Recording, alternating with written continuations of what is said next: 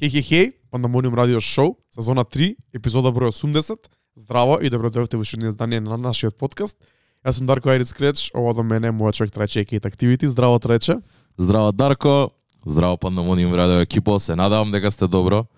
80 епизода е. А, многу ми е мило дека стигнавме овде. 80 недели, може би не поред, ама 80 недели тука. Роен дрти, секоја са бајле станување. А, чија пудинзи, он дек, водица, кафенце, светоа, секое утро, не знам, вторник или среда, евентуално четврто, како заради некои причини се деси да сме овде, ама овде сме 80 недели поред. И се надавам на уште многу поише од. Не е мал мал станова, Огромна че сме длабоко во третата сезона. Апсолутно. Дури више се ближиме до крајот. Јоп. Заредивме многу добра сезона кај што скоро и да не рипавме епизоди и вака дури малце ми е чудно кога те немам видено две недели Искрено исто, да. и кога дојав правиме муавет пола сат пред да почнеме да снимаме, Јоп. иако може би тоа требаше да биде и пред камера, ама нема врска. Е, фативме добар ред за снимање, мило ми е дека се движиме низ третата сезона како што се движиме. Мислам дека имаме е, супер содржина, пробуваме да измислиме добра содржина и кога можеби и нема толку нова музика, иако последнив последниот месец можам да кажам излезе и доста нова музика која ја слушаме ние и од сцената која ја следиме, иако можеби тоа не значи дека таа музика допира и до широката јавност или Така. широката хип-хоп публика, ама имаме сега и музика за зборење, имаме настани за зборење, имавме добар гостин пред две недели во Pandemonium Headquarters 2 и си помиравме добро со него. Како се осеќаш, нема зборено Ни беше тука Джака пред две недели снимивме одличен подкаст, според мене еден од можеби едно од можеби најдобрите епизоди до сега во Pandemonium радио. Па ја можам, може, ја можам да кажам дека е најдобрата до сега. Искрено. Така се ти така? така се чувствувам дека до сега можеби беше најдобрата. Знаеш како? Не не е ова шейд кон другите гости имавме одлично, ама некако а, Джака во поглед на тоа дека е, не е најблизук до нас, ама е хип-хоп и е од другата страна. Ме разбираш као ако веќе и ние го зијаме тоа на, на, на, на наша кож, на наш на наша душа си го зијаме таа етикетата што нас ни ја ставаат дека сме да доаѓаме од трап културата, дека доаѓаме. Джака е од спротивното, ме разбираш? Джака е тој, еве ќе кажам, човекот кој што и сам кажа, ја градил хип-хоп културата во Македонија, така? Така е. И така е, тоа е факт. А нема да го спорам тоа. И од друга страна сме ние кои што сме ете, можеби новата генерација, кои што имаат поинакви гледишта. И мислам дека ако и гле- ако и не знам луѓе ја гледаат и на пример фанови на Джака кои што можеби и не не знаеле нас, ако ја гледале епизода, може и ќе ќе ќе добијат на знаење дека уствари таа етикета не не не не не Не напишува во целост. што треба, во целост дефинитивно. До некаде е, него тоа не тоа си го носам онака гордо на глава дека ја немам никаков проблем да можеби први бевме у 2011 и у 2012 кој што ја слушаа музиката. Факет, тоа е. Но заради тоа и ми се свигаше динамиката на муабетот, поштојам Джака дека беше одличен спорт, одличен муабет направивме, многу културно, многу цивилно, без онака без да да се навреди, а дури на момент му кажави дека не сум фан негов, дека едноставно немам слушано доволно Джака Накот за да се нарачам Джака Накот фан. Тоа е фер. Да, ме разбираш, и заради тоа сме тука да без без маски, без вртење и преспрајање лица да да треба да го глорифицирам нешто не- неко него при тоа да не ја слуш, да не да не ја слушал неговата музика. Ќе ти кажам, го преслушав уште еднаш албумот онака и со тоа ми се свија брат. Ми се свија. Као не е нешто кое што би го слушал секојдневно, ама онака како причам можам да го пуштам, можеби на два пати не е не наеднаш во целост дека е стварно долг, ама на два пати би го пуштил и топ ми е и заради тоа онака ми остави ми остави хайлайт дека правевме допревме многу теми, направивме многу муабети. А, и тоа а, на пример дека и ќе озеам и фактот дека човекот е 20 години во работа прави многу време многу долго време прави музика. И ми кажа дека тоа ми остана и тоа ми остана впечаток онака дека у 2019-2018 кога купил парче опрема му се сменил целиот начин на продукција. И кога тоа сваќам дека ги сваќам и тие води на пример и продуценти кога пробуваат со или кога застануваат со една единствена опрема, кога не пробуваат други различни ствари. Што значи на пример продуцент кој Майк Дин што ги знае сите можни синтесайзери на светот, колку е endless онака музиката кој правец, колку може да те однесе во сосем други води поинакви едно парче опрема. Тоа ми беше хајлајтот, тоа мислам, мислам дека и онака продуценти, посебно сега, bedroom продусерс и онака тоа модерното, и секој млад aspiring продусер, кој што е заглаен на FL, кој што нема пипнато синтесайзер или киборд било каков, нека искочи од тоа своето, нека инвестира пари во во било каква опрема да види како ќе му смени тој. Не мора опрема, дали друг софтвер, дали нешто други плагини они кои што ги имаат. На еден начин тастатурата ти можеш да ја користиш ко ко keyboard, така да битно е само да се експериментира и да се пробуваат нови ствари. Значи експериментирањето е огромен дел на изворна инспирација и мислам дека тоа ми бе остана и како најголем хајлајт, дека мене најголем хайлайт на целиот албум ми е продукцијата. Заради тоа и мислам дека и тоа ми беше голем огромен хајлајт од од епизодата. Не мора да го гледаш само така како звучно, како ти дека Да. се свига него како хасл и како она hard work. Еден човек кој живее со музиката и со хип-хопот 20-30 години и сега после толку години зима нешто ново и сам пробува да го прави тоа паралелно со работа со други обврски, фамилиарни сигурно ствари и што се не друго што ти носи возрастниот живот, така. Апсолутно. Кој е тогаш еден екскюз на еден средношколец или на еден студент или на еден Факт. човек што на 25 години може да работи некоја работа на која нема многу стрес или не му зема многу време, има многу слободно време.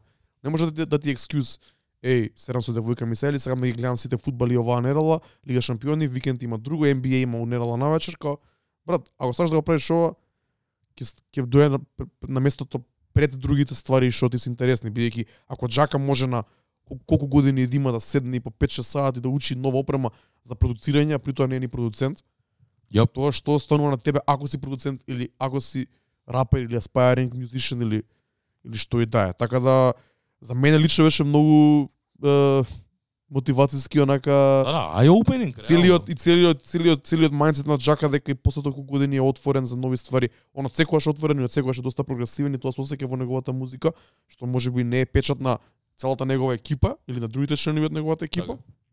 На поголем дел од членовите од неговата екипа, не на сите. И он си е свој на своето и он до ден денес го прави тоа.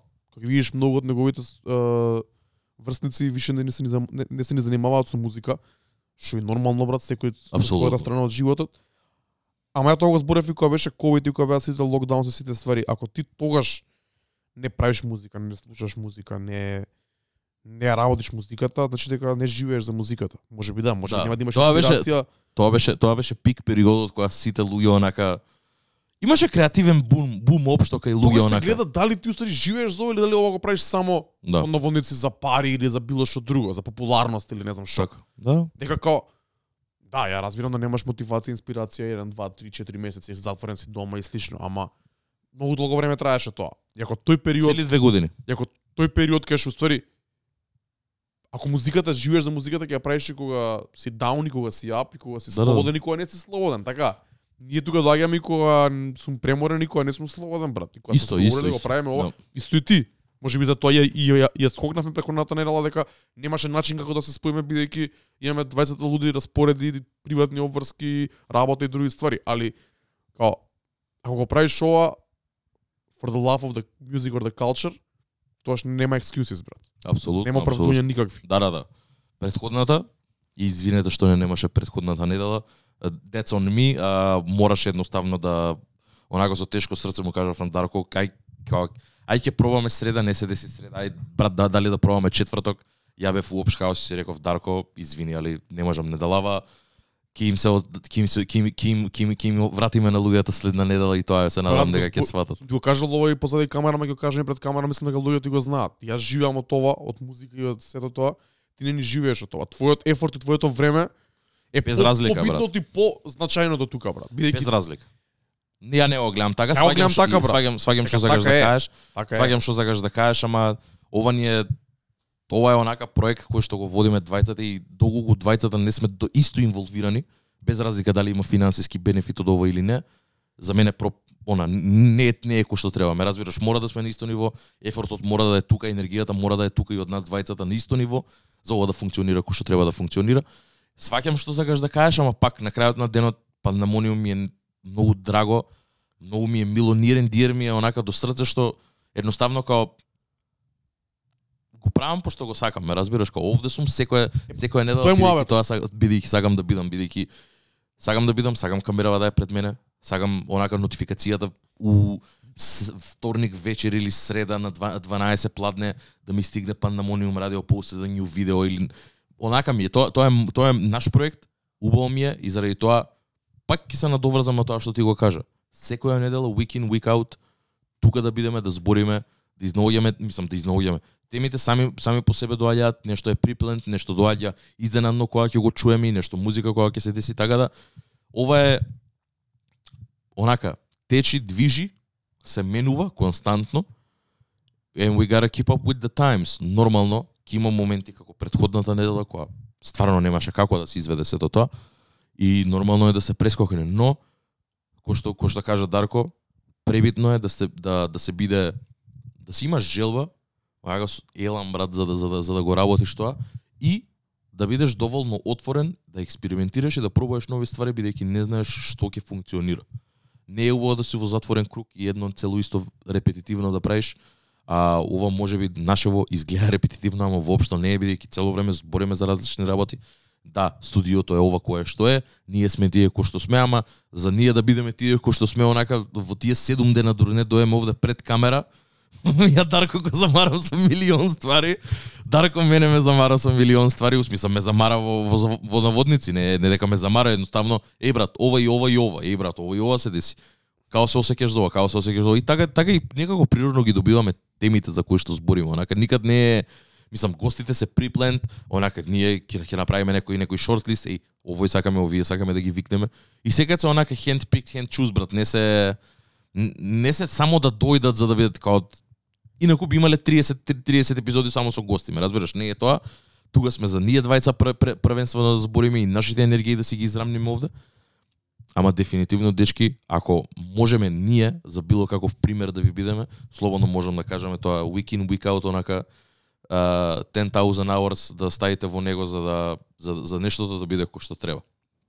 Ние уште не сме на 10,000 hours. Уште не сме на, уште не сме и 10,000 hours. Работиме на тоа и сакаме да работиме на тоа и сакаме да работиме. Ама целиме кон тоа, тоа ни е целта онака 10,000 hours е нешто кое што во Дури го спомна и Джака, работа. Го спомна и Джака. Мораш 10.000 часа секад.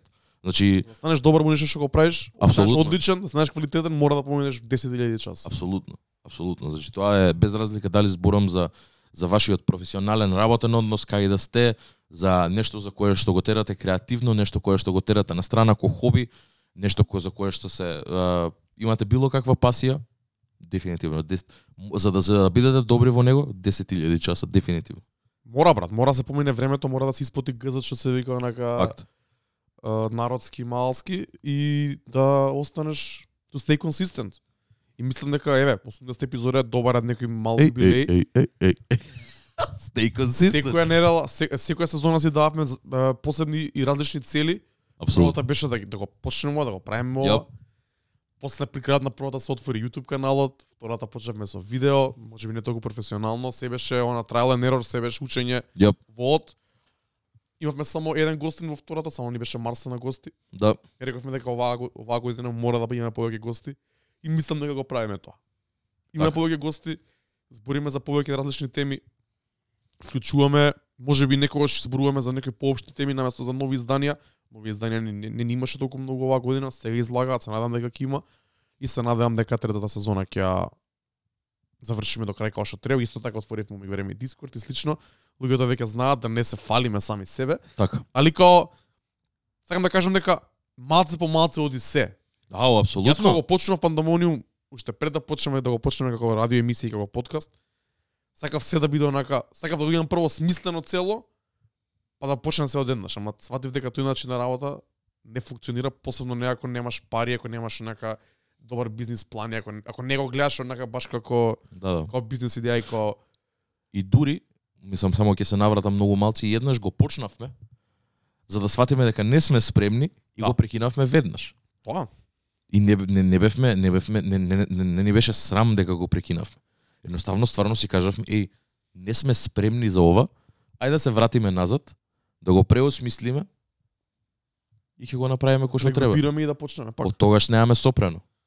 Од тогаш немаме сопрено. Пошто се вративме, свативме дека не е правиот момент да почнеме да го правиме, не сме доволно сериозни, не сме доволно онака со со кледите, не сме доволно спремни, Организирани. орга- организирани, со опрема не сме подкренати и се уште не знаевме како, што и каде ќе цели. Знаевме како сакаме да го почнеме и пандамониум ако сте доволно со нас, прво почна само на Инстаграм преку постови, за после да почне и радио емисија, за некаде да прерасне во ова што е.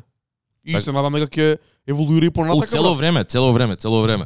А, подкастот е сега the main thing онака, а, но да, апсолутно, значи тука се дешаваат рад, најразлични работи пропратно и нормално е Пандамониум а, Пандамониум радио пред се како проект да еволвира. Така да дечки еволвирајте, инспирирајте се, експериментирајте, посебно до дур сте млади и дури имате таа таа слобода да го правите тоа. Чим луѓе на во, во своите 40 години во во, во касни 30 и, и во во рани во, во касни 20 тоа е онака како со работни обврски со веќе други обврски кои со други цели кои кои што кои, на кои, кои што целиш ти. Чим тие го прават тоа и се трудат да го прават, мислам дека како 18 годишен стварно кој што Дарко, кажа, нема нема екскюз, но екскюз за, за, за да не го правиш и ти тоа. Дефинитивно се надеваме дека ви инспириравме и ве мотивиравме да се фатите за работа и да почнете да го правите тоа што го правите посериозно и да варите музика, да правите битови, да го бркате вашиот сон и да онака на крајот од денот the journey, the journey is more important онака. Да, да, да. Патувањето и сите искуства што ќе ги направиш измеѓу бркајќи ја таа замислена цел е тоа што ќе те направи боле човек и тоа што ќе ти испунува кога се сеќаваш, кога ќе бидеш постар и слично. Ајде да не влагаме премногу длабоко у ова. А, да предеме на страната тема, мислам дека треба да збориме за викендов. Јоп, Тоа што се дешаваше викендов, конечно се оствари нашиот настан, Маска Шейк. 1 април МКЦ, sold out, одлично шоу. Дури ние како Пандамониум имавме удел у сето тоа, јоп, да почнеме две недели порано. Да. Бидејќи заедно со МКЦ одбиравме а, требаше да бидат два, одбравме три демо артисти кои настапија како додаток на а, предходниот лајнап на веќе стекс лайнап, да. артист шоукесот кој традиционално го правевме и лани и оваа година на 1 април МКЦ. А, Трајче, ајде, како се како се сегаше прво ти кога ти го предложи ова, дали Да. ти се свигаш идејата? Тоа тоа тоа ќе збориме. Ја морам прво да почнам. Ќе почнам од моментот каде што вие ко Sure Shots наместо а, наместо класичното кој што беше лани, сакавте да го свучнете и да дадете шанса на други луѓе кои што имаат можеби не каталог, но а, немаат каде да го настапат. И многу ми е мило дека се одлучивте за шоукейс фестивал. Можеби на пример нашето присуство на Пин и на некои такви други места, можеби на пример тебе ти инспирирало за такво нешто да даеш кој идеја, не знам кој бил инстигаторот, ама како и да е мило ми е дека имате постапено кон такво нешто дека не се деша, посебно не за хип-хоп артисти. А, тоа е нешто кое што го зборевме буквално и со Нела на Пин, нема доволно хип-хоп репрезентација на Пин на, на Пин конкретно не беше тоа како критика, едноставно стварно немаше доволно артисти кои мислев дека може многу поише, дека има стварно издигнати артисти кои што може и треба да им се даде шанса да настапат и пред други луѓе, а не само пред хип-хоп публика која што отидена да ги гледа нив. А, и многу ми беше мило, Ф- кој што кажа, ти имаше full stack лајнап и онака и уште која и која ми кажа, еј слушај, а, настрана од ова сакам ја и ти, посебно ти да кажеш а, да да, да лу- сакаме луѓе да пратат де, демос, артисти кои што ете имаат една, две, три песни, а сакаат да настапат, да се пријават и ние да да бидеме како стручно жири, не само ние, туку и Шуршац, и да да одберат да се одберат двајца првично, првенствено беше, за после да прераснат за, за тројца, да настапат со по една, две песни на, на, на пред публика, за кои што можеби и беше и прв пат. И тоа беше многу добро. Ја, ја бев многу отворен на таа идеја, онака, уси, уси тој хаос, да брат, секако, да ќе преслушаме. Плюс нова музика слушаш, плюс се наши артисти, плюс а, сакаш да чуеш, да видиш што што се дешава. И Се дешава тој по наводници underground. да, апсолутно. Можеби не стига до тебе. Па не, не луѓето кои што апли, кои кои што имаа пуштено, кои што имаа пуштено submissions, некои некои ги знаев, некои не ги знаев. Ама бев изненаден, онака all across the board добивме стварно добри submissions, имаше добри ствари. Дури имаше и различни од гласањето не беше онака само за за не се знаеше кој чисто три, туку имаше и други луѓе кои што гласаа и за други вако, што е многу добро. За на крај тие што тројца што што, што беа, шараут до нив, а, ми се свигаше изборот на крај, бев задоволен со изборот и мислам дека стварно беше заслужено. Исто ја мислам дека направивме добра селекција Ја го како што кажа ти имаше малце поширок избор што беше добро, тоа не натера уствари да избереме. да, тоа тоа не натера и третиот да го одбереме дека едноставно се да не претеруваме, ама плюс 15 луѓе имаше, така нешто 15 Повеќе, плюс да, артисти да. имаше, можеби можеби поише, така да сериозна бројка на луѓе за да се пријават за настап, ме разбираш, за, за, за како демо артист и огромно огромна почет за сите што што аплицира Знаеш, секад постои тој а, демо артист сега, значи не, нешто то, не нормално, тоа е целиот хасел низ цел свет онака како Uncharted Unsigned, ме разбираш, тој XXL имаше таква вакво цело време имаше една рубрика во, во сите хип-хоп списанија кој што се збореше за Unsigned артисти. Така да, тоа е најнормална ствар, тоа е хаселот да си ја протнеш музиката на секаде, да ја праќаш на секаде, луѓе да ти ја слушаат И можеби И ги да- се отвори шанса и може ќе се отвори шанса за да стигнеш вака, да настапиш пред солд аут концерт у МКС. Тоа е. Така да честитки за за за ќе ги наброиме. А тројцата беа Жиро или Зиро? Зиро. Зиро, Зиро од Куманово. Зиро од Куманова, Биг Мала и Леон. Најако е дека има брат три артисти од три помали градови од Македонија. Куманово можеби не е толку мал. Зиро од Куманово, Биг Мал од Свети Николе и Леон од Радовиш. Радовиш репрезент. Беше вразен. А, ќе бидем искрени, песната имавме чуени претходно и песната мене лично многу ми се свиеше што трече прв пат кога ми ја прати. Да, уште имавме демо демо верзија. Да, а онака и која ја прати Леон баш, баш ми беше мило дека брат, песната е добра, брат. Песната стварно ми се свија и шара до Леон, едно од луѓето кој беше прв на тонска проба пред јас застигнам. Топ. Прв на настанот. Последен се отиде, со сите се издружи. Имаше одличен настап, коректен, добар дечко шара до Леон. Сите беа топ, али ете конкретно дека збориме за Леон као ми остави таков впечаток и му кажав, му викам браво брат, ова е топ. На време си прв си прв беше и во МКЦ вечерта пред ја да дојдам, ме пречека пред врата. Тоа е. Така треба. да многу добро, што се вика трезно цело време при свест, што е многу битно за еден таков артист да се представи така професионално претерен промотер и организатор како што сме ние, бидејќи сметам дека и ние сме доста сериозна екипа и го работиме тоа на таков професионален начин. И беше многу добро, брат, дечките го отворија шоукесот, значи прво беше Zero, Zero имаше многу краток настап бидејќи песната му е кратка, а песната му е многу интересна, доаѓа од Куманово и го ја ќе оставам у тој кош со Леопард и со Лукат Шомбе бидејќи дури и И го тие имаат и ремиксот. имаат ремикс на оваа песна што е многу добар момент. Исто така. збориме тоа дека на македонската сцена нема ремикси, има голем потенцијал. Тоа ти кажав. добри ремикси, добри соработки. Така да шаро до цела кумановска сцена. Изненадени сме од кумановската сцена бидејќи имаше уште една голема екипа од Куманово 1300 рекордс кои беа исто дел од шоукесот, али кога сме тука кај ремиксот да спомнеме дека двајцата ни изненади тоа дека дечки имаат направено ремикс на песна што е беше во минатото голема пракса во хип-хоп културата. Сега веќе не е. Сега едно време не беше, па сега можеби пак доаѓа некако, ама сега не преку ремикси, него сега преку однапред направени посикаци и големи Да. соработки. Али поштуваме ремикс играта од 2000-тите, така? Дефинитивно тоа ја ја тоа го сакам и уште кога го не мислев така. А едноставно Дарко ми ја праќа, ми го праќа сабмишенот од Зиро. Не бев свесен дека имам слушано предходно ствари од Зиро. Ова го слушам премелодично, такво wavy, bouncy, мамлање, го има тоа модерното и си викам, ова е топ. Ова е, ова е одлично, како така. Може би тоа беше меѓу првите ја submissions. Да, да, тоа може да, може би нешто прв први да викам како ова е ова е многу сериозен submission и ми вика да бе брат. А, еве има и ремикс. Што? Има ремикс. Пуштање ремиксот гледам дека Леопард Лука Чомбе е тука, Айман е тука и си викам топ. Тоа е значи екипата.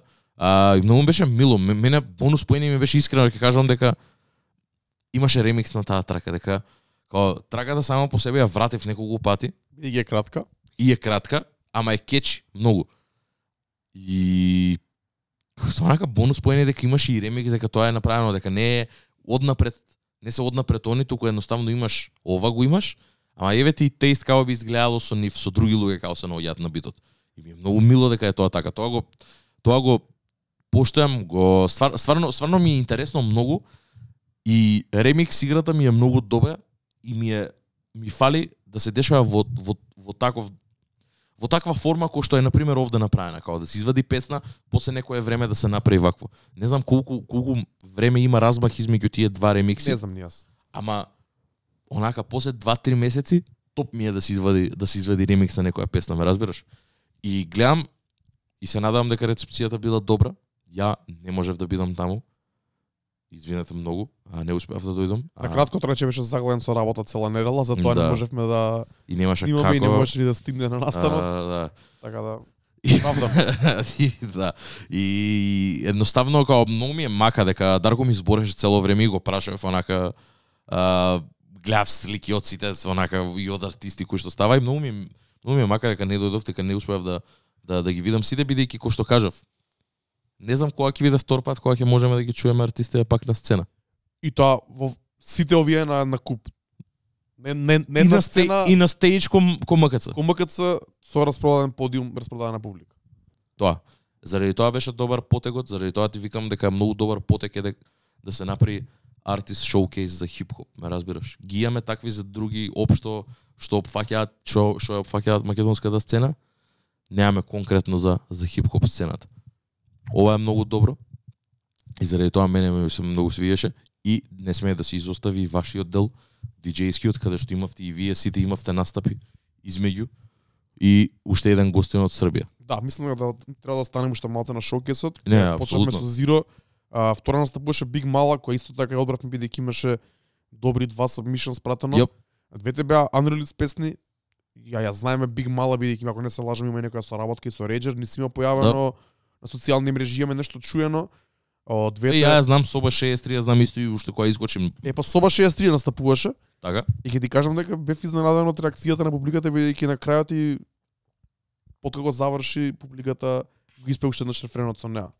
Мега. Што беше многу добро, значи имаше Да. во публика луѓе кои ја знаеа песната, може би ја дони специјално за неа, ако е така уште подобро, шарот до ниф и до неа, али као искрено извади подобра реакција од што очекував бидејќи самата песна е спора. Да, е, е. Е, ама мене ми е таква, вајби ми е Плюс добра беше ми на е. почетокот на шоукесот така да беше Зиро па Биг Мала и тука беше уште енергијата беше таму, Така, беше добра. топ. Така да шарот до неа ги чекаме другите две песни да излезат бидејќи посебно едната од двете и на мене на трајче многу ни се свијаше и Јоп.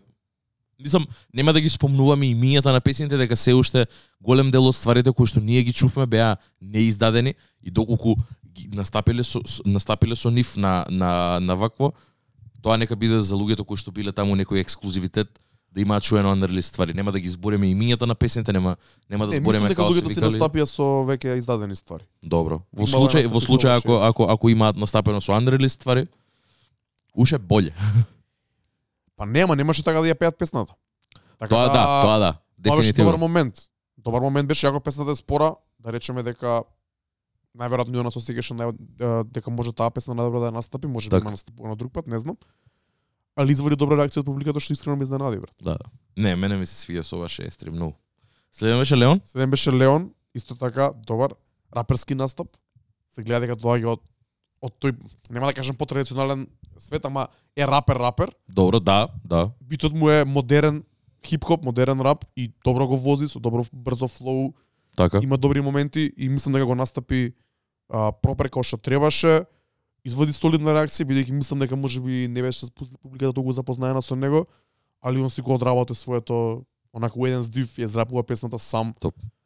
Што беше доста поразлично од тоа што настапуваше Big Mal и Zero бидејќи беше помелодично и по вајби претходното. Ова Да, више ова беше малце по малце потврдо, да. поенергично, да. Така да шароти до него, ќе кажам уште еднаш big up до сите демо артисти кои ни пратија submissions, кои влегува во потесниот круг, кои ги избравме, баш поради овие причини што ги набројавме сега, бидејќи опфаќаат и те речеме и три различни подстилови на модерниот хип-хоп кој го третираме ние на Shake. Да? На Shake не пуштаме бумбап, затоа може би и не одбравме, иако имаше добри и две-три бумбапиш submissions, Јап. традиционалниот хип-хоп, имаше неги погасарски ствари кои исто така не се не прилегаат за за Shake како настан. Иако беа квалитетни на ниво, Да, значи ова е тоа што прилика, мислам дека добро овие овие три песни одлично го опишуваат Shake преку демо артисти, преку луѓе така. тројца различни артисти од три различни градови со три различни постилови на модерниот хип-хоп. И мислам дека супер се покажа и како луѓе и како а, артисти на сцената и мило ми е дека се надевам дека а, ќе добијат пред се нови фанови од ова. Луѓе кои ќе луѓето ги запознаа, знаат кои се ако ништо друго. дека ќе преслушаат нивната музика и можеби дека сигурно се надам дека ово искуство ќе им а, донесе се ново искуство И и ќе ги мотивира за поише музика да вадат, реално. и контакти Да. со луѓето од сцената, бидејќи ти сами кажа пред да почнеме дека примети дека има Да. некоја конекција помеѓу овие демо Да, да, да, да. А, но и, и помеѓу другите мислам дека. Апсолутно, не, не, апсолутно видов дека и се на, се, след, се заследиле сите на на social media. Леон од Радовише го знам од дамна. Леон става слики од другиве ги тагнува си коментираат свето. И поштојам, тоа заради тоа тоа Тоа е значи, доброто. Тоа е многу добро дека сме ги имале овие искуства и предходно, Дарко има организирано безброј настани. Бекстејџот е always a good time. Као, ако си отворен, со отворен ум, ако не седиш у кјош и си намќур и не приш муавет, Или преш момент само со твоите другари. да, ќе ќе запознаеш луѓе, ќе направиш муабет, ќе се упознаеш, ќе направиш конекции. Тоа е тоа е цело време, така да пак ќе кажам, бидете отворени, бидете друштвени, бидете луѓе пред се и дружете се, правите муабети, еве се дешаваат вакви ствари и се случува. Тоа е snowball ефект врз кој што немаш контрола, едноставно твојата енергија го прави тоа дали функционира или не. Е, па ете брат, и сега ние како шршат после настанот објавивме дека Оги, исто така, го знаете Оги, диџеј продуцент на нашата екипа, дека ќе поклониме заедно со него два битови на два артисти кои настапуваа на целиот шоукес, не само демото, него од сите. Оги ги слушаше, се запозна со дел од нив, или со сите можеби се надевам. И он а, одлучи дека сака да даде битови на Викса и Пишле, кои настапија после а, а, Леон, и на Биг Мала, бидејќи мисли дека со нив може да има добра конекција и добра Топ. соработка. И многу ми е мило поради тоа. Стапивме контакти со едните и со неа и они беа исто а, за. Им се свиеше идејата, така да сега останато на Оги и на нив да направат добри битови, добра, добри песни, добра музика и зашто да не и да пуштаме и да ја збориме тука, ако е добра. апсолутно. Оги the floor is yours. Uh, Викса и Пишле, Биг Мала исто така. Се надам на добри соработки. Тоа е тоа тоа е тоа е убавината у сето тоа, брат. Ја исто истото тоа и се дешаваше и мислам сме го имали и тој момент и да на пандамониум онака кај што порано на времето кога правевме на, на Микселар а, емисии Максимус Вандали сам си има куцкано и ќе ти пуштам бите, и ќе ти пуштам вакво, па се деси со работка и све тоа. Така да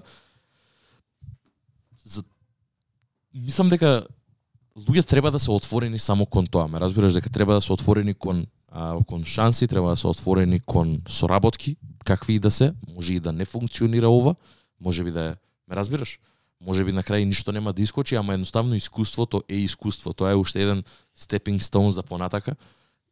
И многу ми е мило дека го де, де, дека а, го имате да направено ова на нашо кој што го направивте. Пак ќе кажам, многу ми е жал дека не присуствува, стварно сакав да го видам тоа во целост како изгледаше и нивните настапи поише шоукейсот, пошто вас ве знам дека сте онака ветерани веќе во што го правите и знам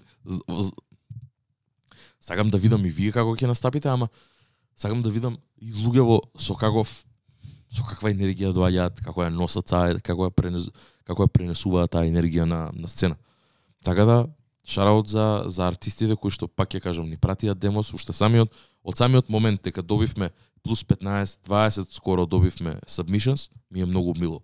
И се надам дека ќе има и други моменти, се надам дека други и други други екипи можеби и други промотери и организатори ќе се инспирираат и можеби во својот домен ќе направат нешто слично за да се гради културата на еден начин и да се дава шајн на артисти кои што инаку не би имале шанса да настапат. Тоа е тоа. Продолжуваме со шоукесот. Јоп. Следни настапија Викса и Пишле, кои во четвртокот го извади новото EP, Faded and Underrated.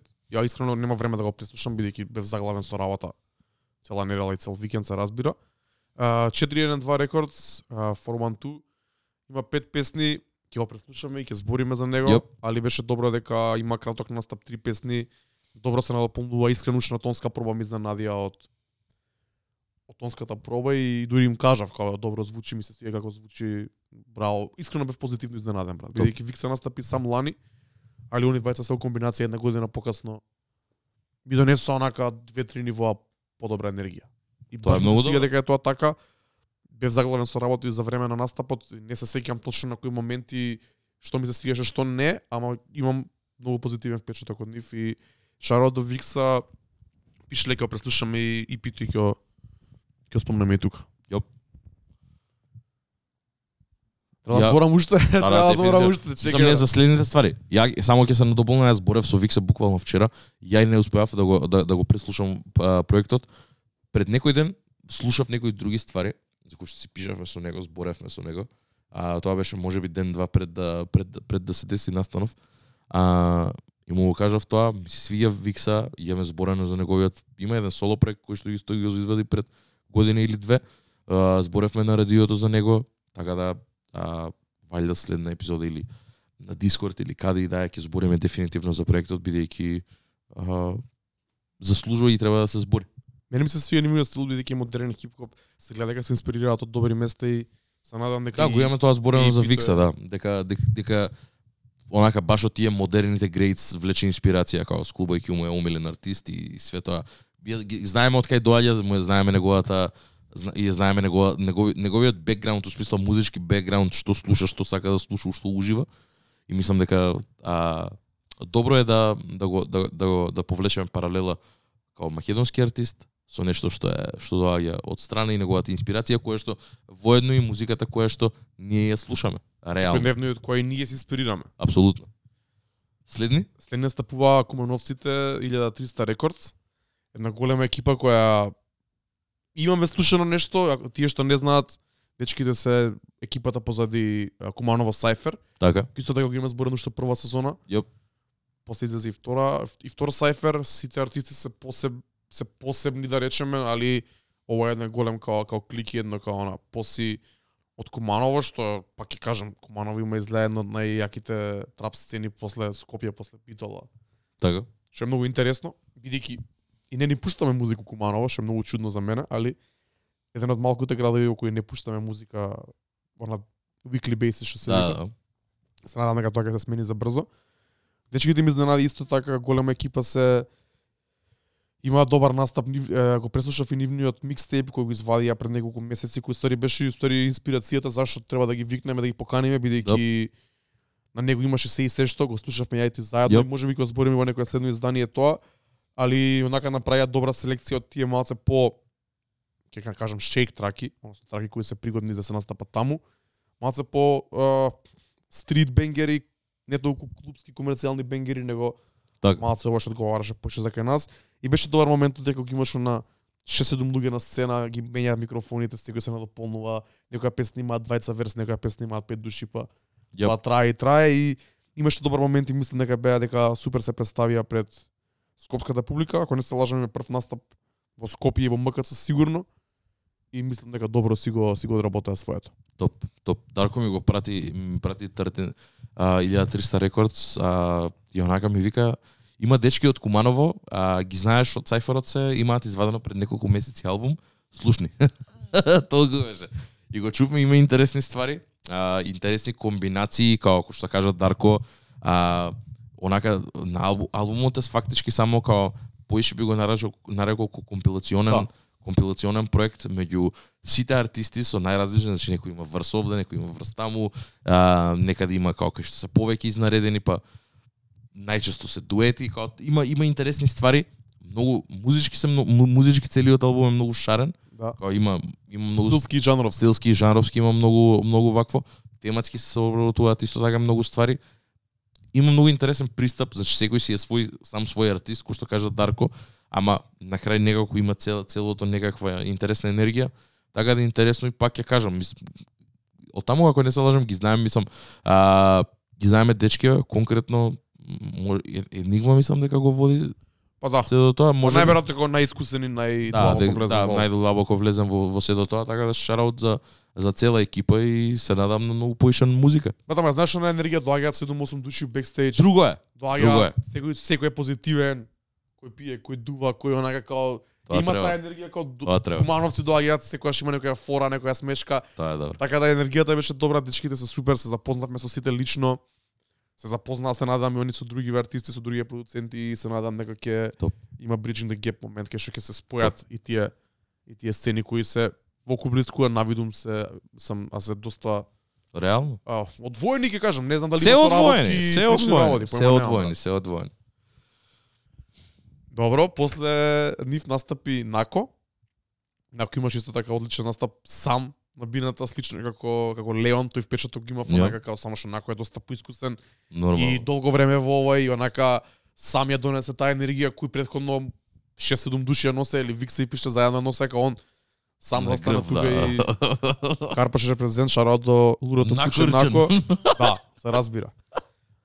Неговите песни се кратки и мислам дека он настапи можда не издадени песни или можеби комбинација на Така. нешто што е издадено на YouTube, нешто што не е издадено и од публиката видов дека извади супер реакција, што беше многу мило бидејќи тоа значи дека има публика луѓе што што знаат.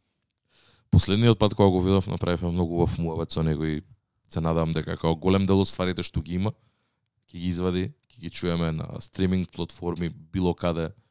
А и стварно сакам да чувам поише ствари од нако кога е еден од артистите кој што има таква една интересна енергија, многу таква каптивирачка како да те завзема.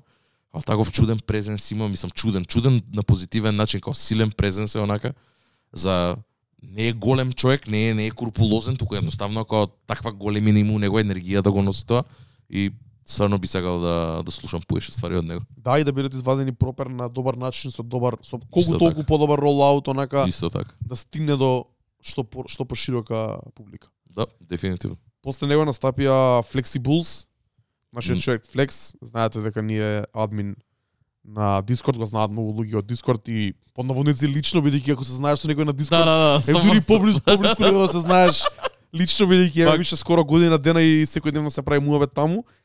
Али без разлика тоа што е наш човек и што ни, помага, ни помогна многу го правеше дизајнот за а, Маскен Шейк оваа година и се разбира постојано сме во комуникација и за, и за пандамониум, и за лични ствари, и за се и се што.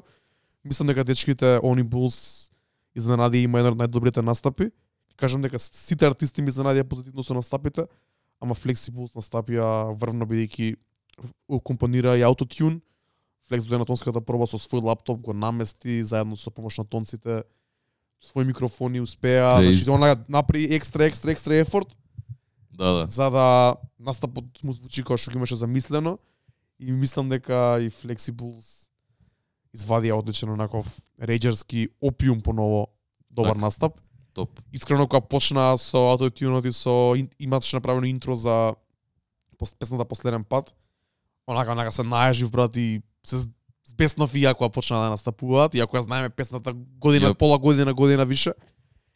Ми остави впечаток и шарот до нашиот човек Флекс. Булт исто така многу добар дечко и он дојде меѓу првите на тонската проба. Најкоректен се запозна со сите, добар добар лик, стварно онака млад, добар добар дечко, добар човек и мило ми е дека и они влегоа во тој во тој круг на на артисти на она на real life во, во real life се запознаа со Да, луѓето и да, со да. бидејќи Кога ќе го прескокнеш тоа, кога ќе уште еден чегар да се да речеме да. така генерација што поише живее на интернет и слично, а сега Флекс преку прво преку Рейджери, преку нас и преку ТДФ и ве- више влезе во тие кругови. Да. Ама еве ги мило ми е дека Булс дојде тука беше присутен се запозна, виде како изгледа. Не, не знам дали има доено на други настани и слично. И искрено ќе ти кажам ми остаја многу многу многу добар впечаток и Да. шараот до нив за настапот брат. Шараут за братчињата, шараут to Flex, што онака Кај ми се направи кеј. се, се па искрено не знам за по hard working човек кон кон се до тоа, као онака прави и толку е хајпнат што прави, ти кажува што прави, дури некаде непотребни работи ти каже, тумач каже, али млате ќе научи, многу го сакам, многу го поштојам и онака ми збореше цело време и ова спремам, она спремам, ова сакам да направам, ова сакам да направам. И мислам дека и се надевам дека све тоа што има замислено, уште немам зборено за него, буквално кога, кога го прашав како си пројде, толку беше човекот уште под импресии што не можеше да ги да ги совземе сите, да ги стави у, у као да ги да ги, да ги, да ги склопи и мене да ми ги пренесе, ми вика ќе ти пишам, се да јаме чуено од тоаш, али ќе зборам и со него, али се надам дека се тоа што имал испланирано унапред, дека си го има остварено на настапот, дека знам дека планираше вижуал, знам дека планираше некој интро, знам дека планираше цел, го има целиот настап онака сценски обработено, знаеш што треба како да направат, како ќе тече целото. И ми фали тој аспект кај сите, сите треба да имаат таа желба да направат тоа така. Не е само да искочиш на сцена, да израпуваш тоа што имаш, туку едноставно како да даеш некакво искуство, некаков експириенс и да се трудиш да работиш кон тоа е на пример што ќе те оддели тебе од другите, ме разбираш? И многу ми е мило дека се трудат со таква енергија го прават тоа. Тоа е човекот има 19-20 години, а, онака и као целото време слободно кое што го има, го користи кон тоа да се подобри себе и Тоа е епитомот на кој што го збориме, пошто Тоа е тоа. апсолутно и, и тоа го имаме зборено и предходно, онака Флекс е човекот кој што не, не, сум имал и ја 20 години, знам како е, ама човеков е онака наместо вода Red Bull пие и не, не нема стоп, ме разбираш, има таков еден неограничен извор на енергија што Сикам, да, еден 19-20 годишник, фака треба да изгледаме, разбираш, како straight out of средно прва година, факултет или што и да е, академија или, или што и да студираш, кој да ти е. Ова, за тоа што си пешене, тоа го правам се дур можам, се дур не почнат сметки да стигаат дома. Тоа е тоа, да може да може да си ги вади сметките и од ова. Тоа работиш, заради тоа го посветуваш времето. Апсолутно. Тоа е тоа, шара од еднаш до нив. Мило ми е дека испадна тоа така. А, при крајот на шоукесот настапија Visionary Records, а, кои исто така беа и лани. Оваа година не беа во полн состав, али можам да кажам дека се гледа огромен напредок од од ланскиот настап. Лани беа ставени ставени меѓу почетокот, сега беа ставени меѓу крајот бидејќи се гледа и нивниот гроут и нивниот раст. Оваа година извадија многу проекти и соло и комбинирани. Така. Они се едни од па тие да речеме најпредводници на таа најнова најнова сцена и најнов бран кој се појави во хип-хопот и во не, не би го нарекол ни трап, што е малци подалеку од трапот, Да, што многу ми се свига, шарот до Марс, а, Гамбит и Джиги, онака раперски. брат пропер како што треба настап. Значи настап со надополнување раперски, траперски, енергија, се осеќаат више комфортно на На бина- сцена, да. Се осеќа тоа онака и има онака стекнато, стект селекција на песни, некои скратени, некои направени као едити, као ремикси, не знам што им беа, али онака се гледаше дека во публика има многу луѓе што више ги препознаваат. Што ми е многу мило бидејќи се гледа дека се под наводници се исплати работата што ја ставаат, времето што го ставаат. Тие можеби уште не се 10,000 hours за нив, ама сите Да. сати што ги ставаат се надам дека и они го осеќаат тоа дека како има има некаков ефект. О, апсолутно, брат, јас се сеќавам дека зборевме првиот момент кога зборевме за Марс, уште кога го извади, мислам дека и првиот можеби проект под Visionary Records и онака сеја кај се и колку и колку и пати имаат настапено од тогаш и кај све се били, и колку музика имаат извадено од тогаш и колку има гроут, ги збориме секат. Така да shout out to the guys, многу ми е било уште еднаш за нив. Мислам дека сам добра патека и само продолжете така и се надам дека тоа што ви сте цели дека целите што ви се замислени ќе се испунат, али се у свое време. Тоа немојте да го заборавате. Факт. И за крај излеговме од трапот, излеговме од хип-хопот скроз. Нашиот човек дамка циглата, аудиот цигла, го затвори шоукесот, да ја, да извадиме малце таа енергија што беше претходно на крај стана дури малце по-раперски и по-рейджерско од што требаше. Пре, преенергично беше, али можам да кажам дека дамка како неговата музика е онака ќе кажам не е толку енергична, ќе публиката извади многу друга јака позитивна енергија. Позитивна енергија, да. Тоа е. Настап заедно со нашиот човек Damage Control, како што кажа Трајчи прошли пат, двајцата се Пандамониум аламнај, наши луѓе, наш, наша младина, ги баш ги сакаме и ги почитуваме поради тоа и искрено ми е мило дека там како го извади и пито, го добива рекогнишен што треба да го добие за оваа фаза од животот и онака Апсолутно имаш и мал медија рано онака буквално човекот како многу ми е мило за тоа. Ние го зборевме, имаше други медиуми кои што го збореа и директно со него све тоа така да многу ми е мило. интервју некој што ќе се, на- се надам да се појави и на ТВ и на социјални мрежи.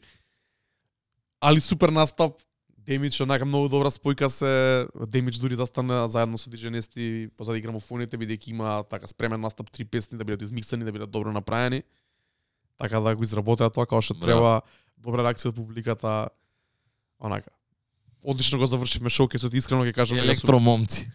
презадоволен брат, презадоволен од од шоукесот и од сите настапи, шара до сите што настапија. Ќе кажам дека сум позитивно изненаден од шоукесот и од артистите кои настапува на начинот на кој што ги настапи и на а, своите своите песни и и реакцијата од публиката што ја добија. Значи тоа онака преиспунет сум за тоа, тоа ми е најголем ќе кажам впечаток и ми, тоа ми остана како на хайлайт од целиот настан е настапите на самите шоукес артисти и реакцијата за за нив бидејќи можеби ги подценив, ама не очекував да биде така.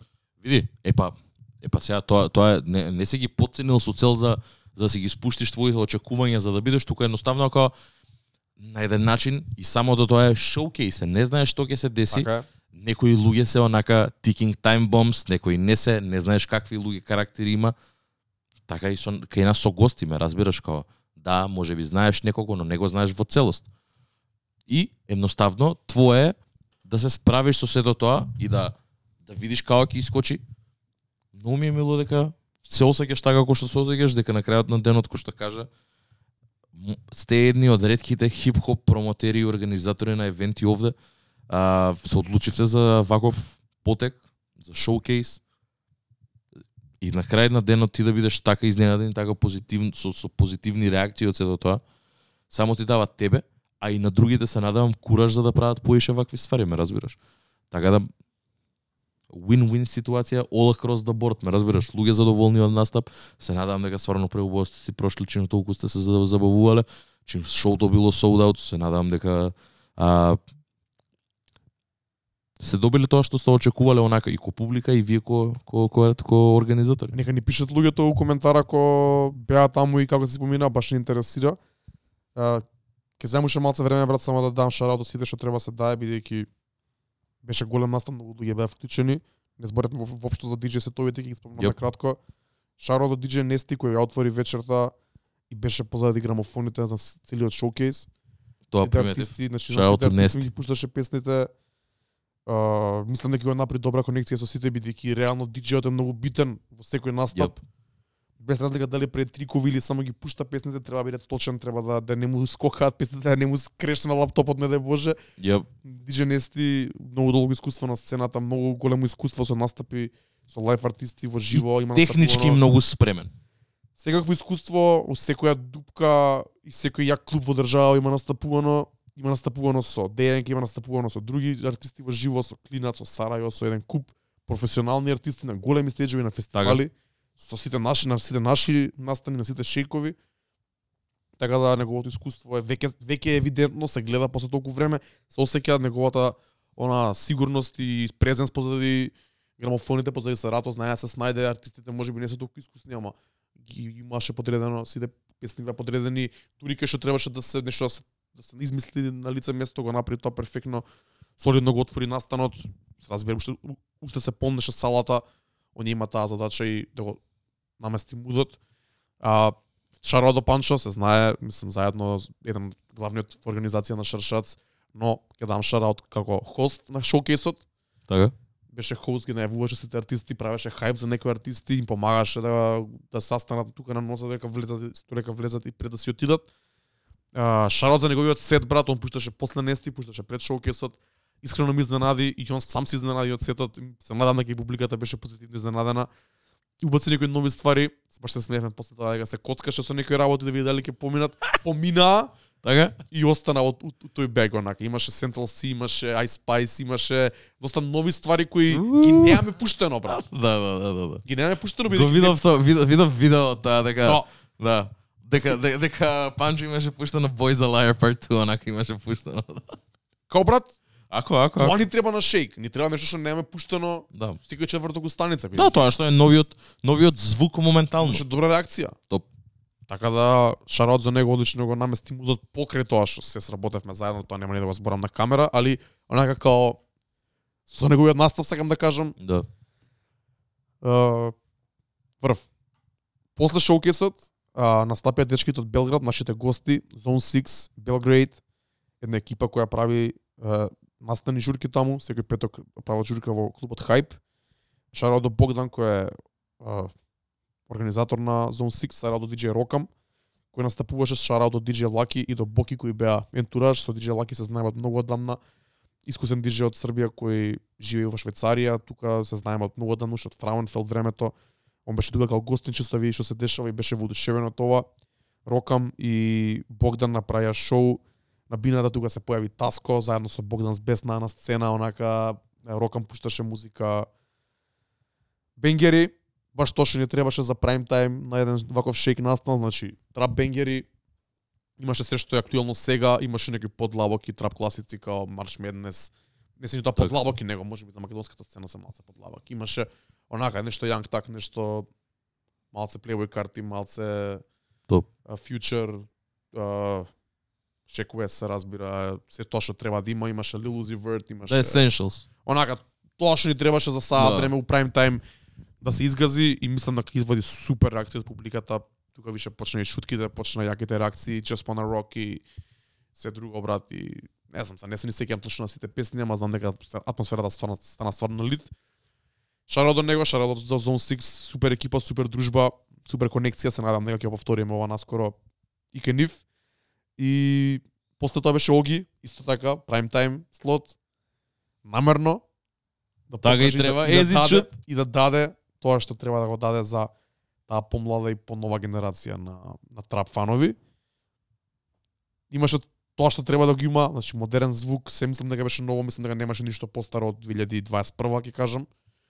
Онака као 2022-2023 шит.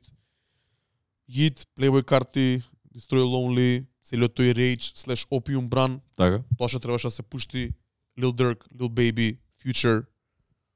Знаеш оги што пушта брат, Јап. time time. Онака, се тоа што требаше да изгази за тие луѓе кои ја препознаваат таа сцена и таа музика и тие кои го слушаат и го сакаат на, на, на вистина тој джеб од целата Да. трап. Баш кај него, трап баш кај нас некој на Дискорд збореше за тоа дека многу сетот било многу добра, дека имало дури три Лил Дрг песни. Тоа е тоа што ни треба брат. Може би тоа не е и толку за големата маса на луѓе, Мм. може би не беше за сите кои беа во МКЦ, Така. ама за тие 100, 200, 300 луѓе, не знам колку беа што ја сакаат таа музика и што ја слушаат таа музика секојдневно, Оги мислам дека е правиот човек што треба да им го даде тоа, бидејќи Да. најдобро може да направи тоа било кој од наша екипа, а ќе кажем дека и било кој од целата сцена, бидејќи е најупатен во тоа. Дефинитивно. Ја кога кога ќе Мојака кога ќе ми текне, ќе ми текне баш на тоа брат. Конкретно на тоа тоа. репрезентира брат. Оне тоа што е на пример ја не ни можам да го допрам, ме разбираш? Као и као music фан онака, човекот слуша сосема поинакви ствари, него музичкиот спектар му е тука, али као многу поинакви ствари слуша него ли тоа што ја го слушам.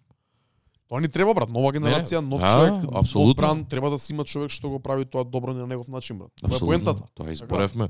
Не треба Дарко да биде тој у 2023 што протнува ствари што не му што што не што ти не ги слушаш, ти да ги слушаш, ти да тебе да ти се удомен, да ги пратиш. Да, ама тоа е се ако ти да идеш од, од ме разбираш, ти не сакаш да идеш од Оги да взимаш песни само за да ги пушташ, едноставно тебе ако не ти влезе у радар нема зашто ти да ја пушташ, нема смисла се до тоа. Тоа е тоа. Многи сите тие песни му ствараат, у, у, му, му влагаат у радар, ги прати, ги слуша артистите. Дека ги слуша артистите, не дека треба да се слушаат. Човеков пред се ги слуша артистите, пошто Да. му се свиѓаат, едноставно креира сето околу се до тоа и си креира неговата естетика и музи, музика и, и неговото лајбрери и све тоа и така тера. Тоа е тоа. Брати, тоа е тоа, значи ако ако не го слушаш тоа, сакаш да го пушташ со осека дека не си влесен, Да, да, не си да. внесен во тоа. Истото важи за за јас да земам да пуштам ама пијано. Јас го слушам тоа, ама не го слушам доволно, не сум спремен да го правам тоа. Ама идеме кон таму. Идеме кон, кон тоа. Идеме кон таму. Дека не е доволно само да да ја слушаш музиката на Spotify или на. YouTube. Апсолутно. Треба да знаеш кој е актуелен, кој не е актуелен. Он пушти некој некој настап на Playboy карти со интро, некој познато интро од некој концерт што Така. го знаеш и публиката, значи он е упатен во тоа. Да, да, да, да. Јас па- не го знам брат. Апсолутно, па тоа, тоа е тоа е моментот дека има такви такви моменти кои што треба да се знаат, ме разбираш? Заради тоа оги функционира таму кај што функционира и многу ми е мило дека е тоа така. Тоа е тоа тоа е тоа е битно дека има свој стил и се надам дека ќе продолжи да го гради и да гради на тоа. Одличен настап, јас имав честа да ја затворам, да го затворам настанот. Знаеш дека closings? Сакам, знаеш дека сакам да пуштам клоузинг многу. Знаеш дека таму сме нај најмногу свој што може да бидеме. Апсолутно, апсолутно, апсолутно. наместени како што треба. On, on, on the right level онака. И имав окей клоузинг, добар клоузинг, задоволен сум од него. Бидејќи оги влезем пред Лаваково реджат, јас после него испуштав нешто што не беше пуштено од него и од Рокам. Така? Например, Family Ties и некои такви работи, нешто што може би Добро. испаги за прайм тайм, го проложив прайм таймот уште малце Мгм. и после тоа направив мал клоузинг со а, нешто ново од Kiglok, нешто ново од Young Dolph, нека класика и се проки, нешто Playboy карти што нема впуштено, нешто Yit и јас Лилузи, Flawless и Топ. онака сосема солидно го затворивме, тоа се разбира Too Many Nights, се разбира на крај Reminder од Weekend, дури не ја побараа три пати. Иако може би не прилега за таков настан, ама одлично. Што пушти од што пушти од Hit? Од Yit и а, На Nine Change. не, таа пушти мислам дека Оги, ако не се лажам. Еј да. Ако не се Идеше? лажам, ако не се лажам. Ќе го прашаме него. Ја Ај пушти Flawless со Лилузи. топ. Инаку се смееме за ова бидејќи ова е ова е тема у, чатот не, неколку дена, као буквално се препокувавме со со Флекси со Бист за за ова дека Дарко ми пушти една песна, вика и слушај ова ми го пушти Оги. Ја пушта трака, гледам јид дека ја викам окей. Ајде, а, пушта ми, ми се свигаше. дека е таква ап темпо е брза е. Темпо и трајче, Да. ама трајче ми пишува. Брат, ова, ова ми се свига, ама овој лик ми го прати, точниот линк е ова. Рек, не, не знаеш. мисле- да, не знам дали, пошто немаше не- немаше немаше слика на на линкот, беше само Spotify локце, пошто на Viber ми го прати, и си викам Чуј ме малце човеков да не е грешка ми праќа хит песна, му викам брат, ова е добро, ама дали дали сте дали точниот линк ми го прати. Пошто стварно бев збунет онака ни едно време го Ама идинаев. добро беше така. Добро беше, ми се свигаше ап темпо и мило ми е дека дека прошло усет, пошто не сум човек кој што го слуша јид, не слушам јид воопшто, ама на пример ова ми се свигаше.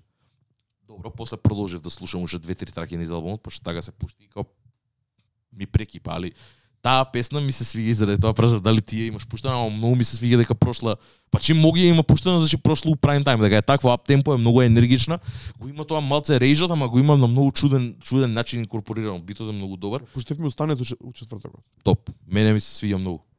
Мене ми се свиѓа многу. Таму имаш, таму имаш други песни и мене на пример кои што ми доаѓаат многу што можеш да ги да, да ги искористиш да ги спои да ги да, да ја споиш со со нив. Да. Не знам точно кој BPM, ама знам отприлика у кој рейндж влага за да можам да Да, да, да, да, да. се сетам на неколку песни. Ке доеш, ке доеш за некоја недела ќе чуеш. Одлично. А, така да го завршивме настанот, го затворивме, фала на сите што дојавте. Срекни сме дека имав уште успешен настан, шоукейс, диџејски сетови, сосема квалитетни, може би ни фалаш уште саат време, али така е секогаш.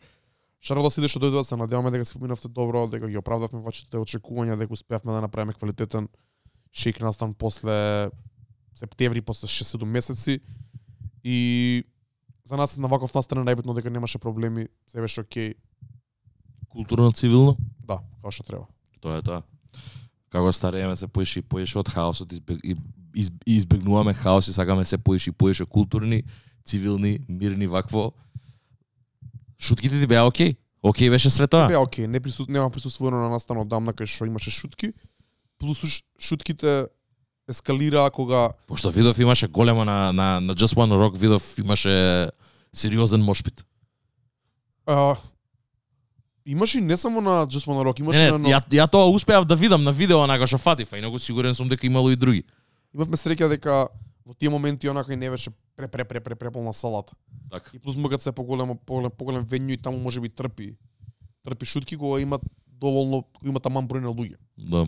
Кога нема премногу луѓе во еден венју за да биде прегужва и Да, да, супер нема направи каде, нема каде да иде, да, да, Значи, да. тука имаш Овде можеш добро- да дишеш да ја контролираш. На два чекори поназад, Да. окей, не им смета. Ако е пект пект венјуто, Тоа за проблем. МКЦ, бидејќи МКЦ не го дозволува тоа како организатори, како венју и како државна институција, не дозволува да биде препуно, ама сме биле на настани дури на ДФест оваа година во затворениот терен надвор беше преполно, не може да собере. Да. Кога е преполно, се тоа се гледа брат, кога гледаш од, од, од бирана ке публика се гледа кога е онака преполно, кога нема игла кај да фрлиш што се вика. Таму не може шутка. Да. Таму Не, не, проблем. разбирливо, разбирливо, разбирливо, ама доколку има простор да да дише мошпито, тоа е окей. Да можеш два Дишат чекори. луѓето што не сакаат да бидат дел од мошпитот. Тоа е Побитно е тоа. апсолутно, апсолутно. Тоа кога има Пошто тогаш го растураш го го, го растураш искуството на другите Да. луѓе, ме разбираш како го. Кога го имаш, кога имавме епи секој четврток лани, секој шейк со 300-400 луѓе внатре, не собира, нема простор за мошпит и е клубска вечер во четврток некој си дошол да се слави роден ден, некој си дошол да седи онака со девојка му, некој си дошол да фати девојка или дечко или што и да е. Таму не прилега. Овде, Да. ваков сетинг со волку волку луѓе на подиум во тој момент, таман. Топ, мило ми е. Уште еднаш честитки за за за настанот, мило ми е дека и ти си задоволен, мило ми е дека артистите биле задоволни, мило ми е дека сите би сите си прошли убаво дека имаат убави ствари да кажат за него. А, и too many more, дефинитивно. Фала брат, криво ми не да, ама следен пат. Исто и мене, исто и мене се надам на следен пат. Ќе продолжиме да тираме. А, не знам колку време више снимаме. Саат време сме. Саат време Саат снимаме. минути таман имаме да обработиме уште. Почта. Имаме а, денес сме доени исто така и за нова музика, бидејќи две недели не немаше и кој што кажа Дарко во во сиот тој период а, и со епизодата, мислам со Джака, каде што не обработувавме никаква музика, имаше повеќе ствари кои што искоче и овие, оваа и следната епизода ќе ги искористиме на покривање на нова музика, на ствари кои што сме ги испуштиле. А, конкретно, сега, а, ќе збориме за а, нешто за кое што искрено ја сум многу изненаден дека стигна до многу луѓе. Го видов на премногу Така ти изгледа? Да. На, барем кај мене на фид премногу луѓе збореа за албумот. На Дискорд премногу луѓе збореа за албумот. А луѓе од кои што влијание. луѓе од кои што не очекував да го чуем, да не го постираат на стори, го постираа, збореа за албумот и многу ми е мило тоа дека е така. А, конкретно, а збориме за Larry June and the Alchemist. Албумот се вика The Great Escape, а, искочи а, 31 март, буквално пред нецели 4-5 дена. А, и мораше да се да, да се збори бидејќи Larry June е еден од артистите кои што онака ако ако не знам за луѓе кои што не пратат подолго време, ако треба да кажат еден артист кој што може би го имаш чуено од Лири Джун, најголемите шан... од од Пандамониум радио, најголемите шанси се Лири Джун да биде. Се осеќам више дека го тупиме премногу со него. Не.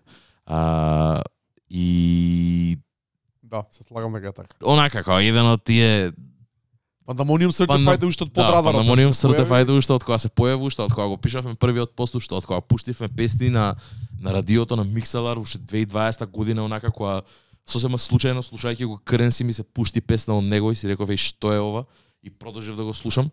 А, за да стигне сега таму кај што е 3 години подоцна скоро више. А, многу ми е мило дека е тоа така и дека еве сега во поинакво светло ќе збориме за неговиот албум. А, кој што кажав, албумот се вика The Great Escape, 15 песни, а, колаборативен проект а, помеѓу Larry June и The Alchemist. А, и И можам да кажам дека и го збориме доста, посебно последниве година две. Ама има и зошто. Има и зошто. Значи, после Алфредо, после Алфредо The Price of Tea in China, а, проектот со Conway, има, има многу ствари кои што онака може да се зборат и за да Алхимис бидејќи нормално, што кажа Дарко, онака тоа е можеби и моето влијание кон Пандамониум, мојот придонес, мојата музика што ја слушам, што ја на еден начин сакам да ја пронавирам преку платформата кој што е Пандамониум. Така да The Great Escape. Кажи ми тебе, ајде ќе почнеме со тебе. Кажи ми ти као се осеќаш за за албумот.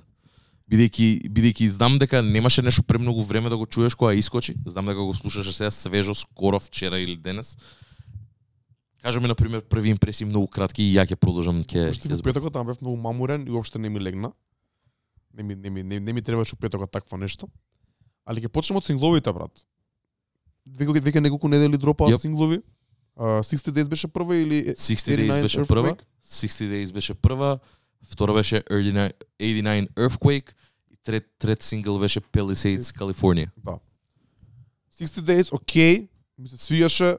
Тоа беше хајлайт дека Алхемист имаше верс. Да. Знаеш дека не може би не сакам такви драмлес битови, каже се повторува само семпл Така. целата песна, али ми се свигаше тоа како one off, како сингл топ. Uh, Alien Earthquake исто така, повеќе ми се свигаше него 60 Days. Palisades, Калифорнија ми беше врв од тие три песни, онака дури ја пуштив у, у Sub Club како прва песна во Струмица пред две недели, тоа беше ден кога излезе. Ја слушавме нонстоп и IT, си ја праќавме, беше онака ги крена очекувањата на многу високо ниво. Еп. Ти го правеше хајпот уште поише и ја бев као да, да, ова е добро, ми се свига. Uh, Palisades, Калифорнија, вајде тоа е место. Град или населба. Град. Ми се свига тоа реги гитарче, ми се свига тој реги момент, добро е. И можам да кажам дека еден од хайлайтите на самиот албум. Е сега го преслушав албумот, три пати пробав да го преслушам и таму нека 7-8 песма више го гасев, ми стануваше многу досаден. Денес кога Сабајле станав да го преслушам уште еднаш за да може да збориме и да ми биде издржано мислењето. И ти меѓу време го прати и а, ревјуто на Фантано, Така. Има лоши коментари за самиот албум. А, со него до негде се слагам, до негде не се слагам. Јас пробував да сватам што ми прави да не ми го задржи вниманието самиот албум. Албумот ми се свиѓа оверал, ама ми е предолг и на моменти ми го губи вниманието. Мислам дека поради продукцијата на The Alchemist. мислам дека не сум фан на таква продукција и мислам дека а, како да кажам брат, премногу длабоко се влезени двајцата во светот на Алхемист и оставен он да прави да го прави своето што сака онака до некоја мера, а Лири Джун е тука само да се надополни на тоа. И тоа е тоа што мене не ми го тој звук мене не ми го фаќа толку и не ми го задржува толку вниманието. Албумот ми е добар, ќе кажам добар, онака окей. Има проекти на, на Лири Джун што би ги слушал пред овој албум и го имам сличниот кога размислувам вака полого, го имам сличниот впечаток од заедничкиот албум на The Alchemist Currency, оној со кремастиот кремастиот кавар нешто дали се згради или нешто такво. Добро, да, готово. И тој неколку пати пробав да го преслушам, дури една песна ми ставено на плейлиста. Али мислам дека го имам сличниот на сентимент дека Алхимист толку долго на еден проект не би можел да го слушам, не ми го задржав вниманието која е толку длабоко влезен у своето Така. Срај. Само да надополнам, албумот кој што го збори Дарко и го референцира со Currency се вика Continuance, uh, кој што искочи исто во март лани, ако не се лажам. Uh, интересно. Uh, ја, кој што кажа Дарко, се хајпав премногу уште кога го најавија. Uh, 60 Days ја извадија со спот, го гледам спотот, ми се on point, добивам Alchemist Verse, у истиот момент кога го и после неколку после неколку дена добивам и Sleeping into Darkness со со Hitboy. И си викам окей топ и си викам Тоа да очекуваше дека ќе рапува на сите песни. Да.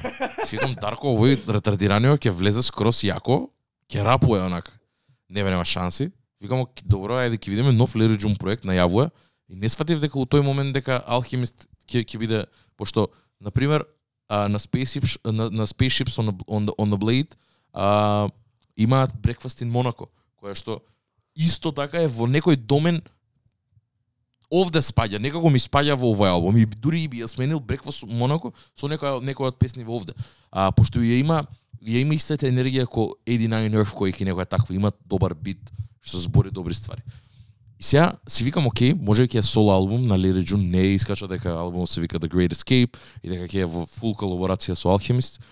И може би, ја, бидејќи сум фан, и на двајцата, колку сум на Лири Джун, толку сум и на Alchemist, мислам дека не го увидов тоа на прв момент кој што го кажа ти сега. И, на пример, ако, ако го размислам, можам да се согласам со тоа, дека овде, продукциски, ептен, ептен, ептен, преовладува алхимист и неговиот неговиот инфлуенс. Не не преовладува толку многу Лери Джунс со неговата разиграност, со неговата таа мелодија. Многу е по tone down, многу е поише онака звучи моно онака како стварно звучи flatlining и дури и тоа се гледа и кај Лери Джун. Низ целиот албум има неколку моменти каде што подпевнува, ама и кога дури подпевнува не е дека користи некоја мелодија, туку едноставно гласот само го го развлечува тоа неговото тоа тоа влече поише влијание од Мек Дрей од некои такви артисти. Дури на момент онака ме потсеќа и на Нейт Док, ама без мелодијата, без без тој фанкот, без грувот, ме разбираш, тука едноставно гласот му е таков. И можам да се сложам со тоа што кажа ти дека албумот станува досаден и е малце долг и кога ќе режеш долг 15 траки, 45 минути, што значи дека у просек трака да е 3 минути, што и не е толку многу, но дека е цело време сличниот звук, дека нема high points, нема low points низ албумот, може би заради тоа ти станува од репетитивност и од истата од истиот тоналитет на глас што го има Лери Джун низ целиот албум, мислам дека може и е прилично бавен. Е па тоа, Прилично бавен. можам да го кривам Лери Джун, пре би го кривал тука од моја од, од моја гледна точка Ал- а- а- Алхимист бидејќи неговиот стил денеска е таков. Го налага, нема да. кикови, нема ритам, Да. се се семплови, се се тука некои фоли со семпловите, губење некои онакви додав, додадени некои прелази со со драм само и такви некои ствари као Добро, една, две, три, четири, пет, ама онака више доаѓа момент кај што ништо не се дешава. Така. Не, те те сваќам што сакаш да ми кажеш и сваќам дека овде а, овде е и она а, Лери Джун е подпишан за неговиот лейбл The Free Minded у колаборација со Empire а, а Alchemist е под ALC Records кој што е неговиот лейбл собствен. И гледам дека овде има дистрибутивен дел помеѓу двата што значи дека имаат соработка и ALC и овој. И кој што кажа значи е full она full on collaborative project што значи дека и ролаутот ќе заликува на тој на на Alchemist и тој на Лери Джун дека а, мидија ранот до сега кој што Лери Джун и реално и го немал за било кој релиз. Ова искрено се осеќам кога да му е деби албум, деби major label албум. Така го та, та, та, така е представен да биде. Со Media Run го имаше на свој извадија Таму го документарец гледав, да. три спота, а, многу добар, многу добри фичерс пред се. Ф- а, сите фичерс ми се извонредни. Овде ми нема лош фичер, може би еден единствен кој што не не дека е лош, ама е чуден и не припаѓа овде на албумот, е тој на Evidence. А, на трагата What Happened, uh, не, извини, Left Left, No no, Evidence. evidence. се вика, What Happened to the World е Wiz Khalifa. А, и мислам дека тоа е единствениот а, момент каде што си викам, окей, ова е too much. Мене Evidence превише ми ја загуши траката, онака 3 минути трае неговиот врс. И си викам, а, that's a no-no, не можам ова да го слушам, ова ми е much. Али, онака како ми почне албумот и кој што викаш, првите онака 6-7 траки, ми е онака и ма, ја губам малце внимание, заради тоа може би и не се толку многу сеќавам на пример на деловите на Jay Wordy, кој што исто така го премногу слушам и го сакам, ама ако ми прашаш сега што е делот, што што одскокне на делот кај Jay Wordy, нема да знам да ти кажам, пошто Е 12 искрено не се исеќам, ама е при крај на албум, знам дека е при Да. крај на албум. Знам дека кај The Evidence онака што е пред и, и трагата на The Wiz Khalifa, малце ми изгуби дека како си викам окей, much ми е сега. Ова ми е ептен па даунерско дека стварно таква и траката. Ама до тој момент, до тој момент као Ocean Sounds на пример е па една од по по меките, по топлите траки е на, од на, хайлайтите на, албумот онака и си викам окей. А, али, да, кој што кажав, а, мене ми е многу солиден проект и тоа што кажа Фантано Сабајле прво будење, гледам пред 6 сати дека е стајано видеово. Прв пат ал, а, Фантано да, да, да прави ревју на Алхемист и тоа ми дава уште еден, уште еден момент Па да пред Алхимист или на Леди Тоест на Лири Джун, извини. И то и тоа ми даде уште еден момент дека гледам дека е многу поише луѓе го сваќаат како многу посериозен релиз него ли сите негови претходни проекти. И тоа го кажа и ти. Има има има промена и во неговиот кавар арт каде што не е класичниот класичниот вакво, ама сега па кога ќе размислам се сеќаваш на Кардо и на Лери Джун, вако Да. пак има кола, ама не не цртано Таму е е. нацртан, да. Таму е нацртан. Тоа ми е еден од омилените албуми на Да, Леди Джун. и ко, може би си викам, може, okay, може би дека е колаборативен албум, заради тоа искача од тоа неговото стандардно, он на сликата со неговите коли што го прави. Може би, не знам. Такви беа сингловите, брат. Ама така па беа сингловите. Имаше дури еден пејдж кој што он го имаше репознато каде што зборат за visual cues и за и за, и за како изгледаат целите visuals и боите кои што ги користат. Многу се убави. Многу се убави, многу се ги гледам само многу многу се, многу се, многу се мили онака на очи, топли се и го опфаќа, ја опфаќаат таа енергија. Кој што кажав, три многу добри синглови, ептен ме хајп на албумот, едва и чекав да искочи. Буквално моментот кој искочи се разбудив во 6 сат, гледав формула и свикам, окей, пуштам Лери Джуно онака да слушам пропратно. Све правев во во еден момент. Преубав албум ми беше стварно и ден денес ми е многу, мислам, сега неко, неколку дена немам прекинато да го слушам искрено. Се будам легнувам со албумов. Може би почнавме со лошите ствари. Ај кажи ми што ти се свиѓа тебе кај албумов. Кажи ми што ти се јаки моменти, брат. Добра, има мислам дека има продукција јаки моменти него слаби, ама ние почнавме со факт, слабите. Ние почнавме со слабите за да ги тргнеме тие на страна. Мене, ја уште одма ќе кажам, а, може би не е онака перфектен албум, ама стварно ми е многу сериозен и ком, ком, комплетен и компетитивен албум. Компетитивен бидејќи мене лично, може би не објективно, малце поише субјективно, Да. а, ми, а, ми е за AOTY контендер.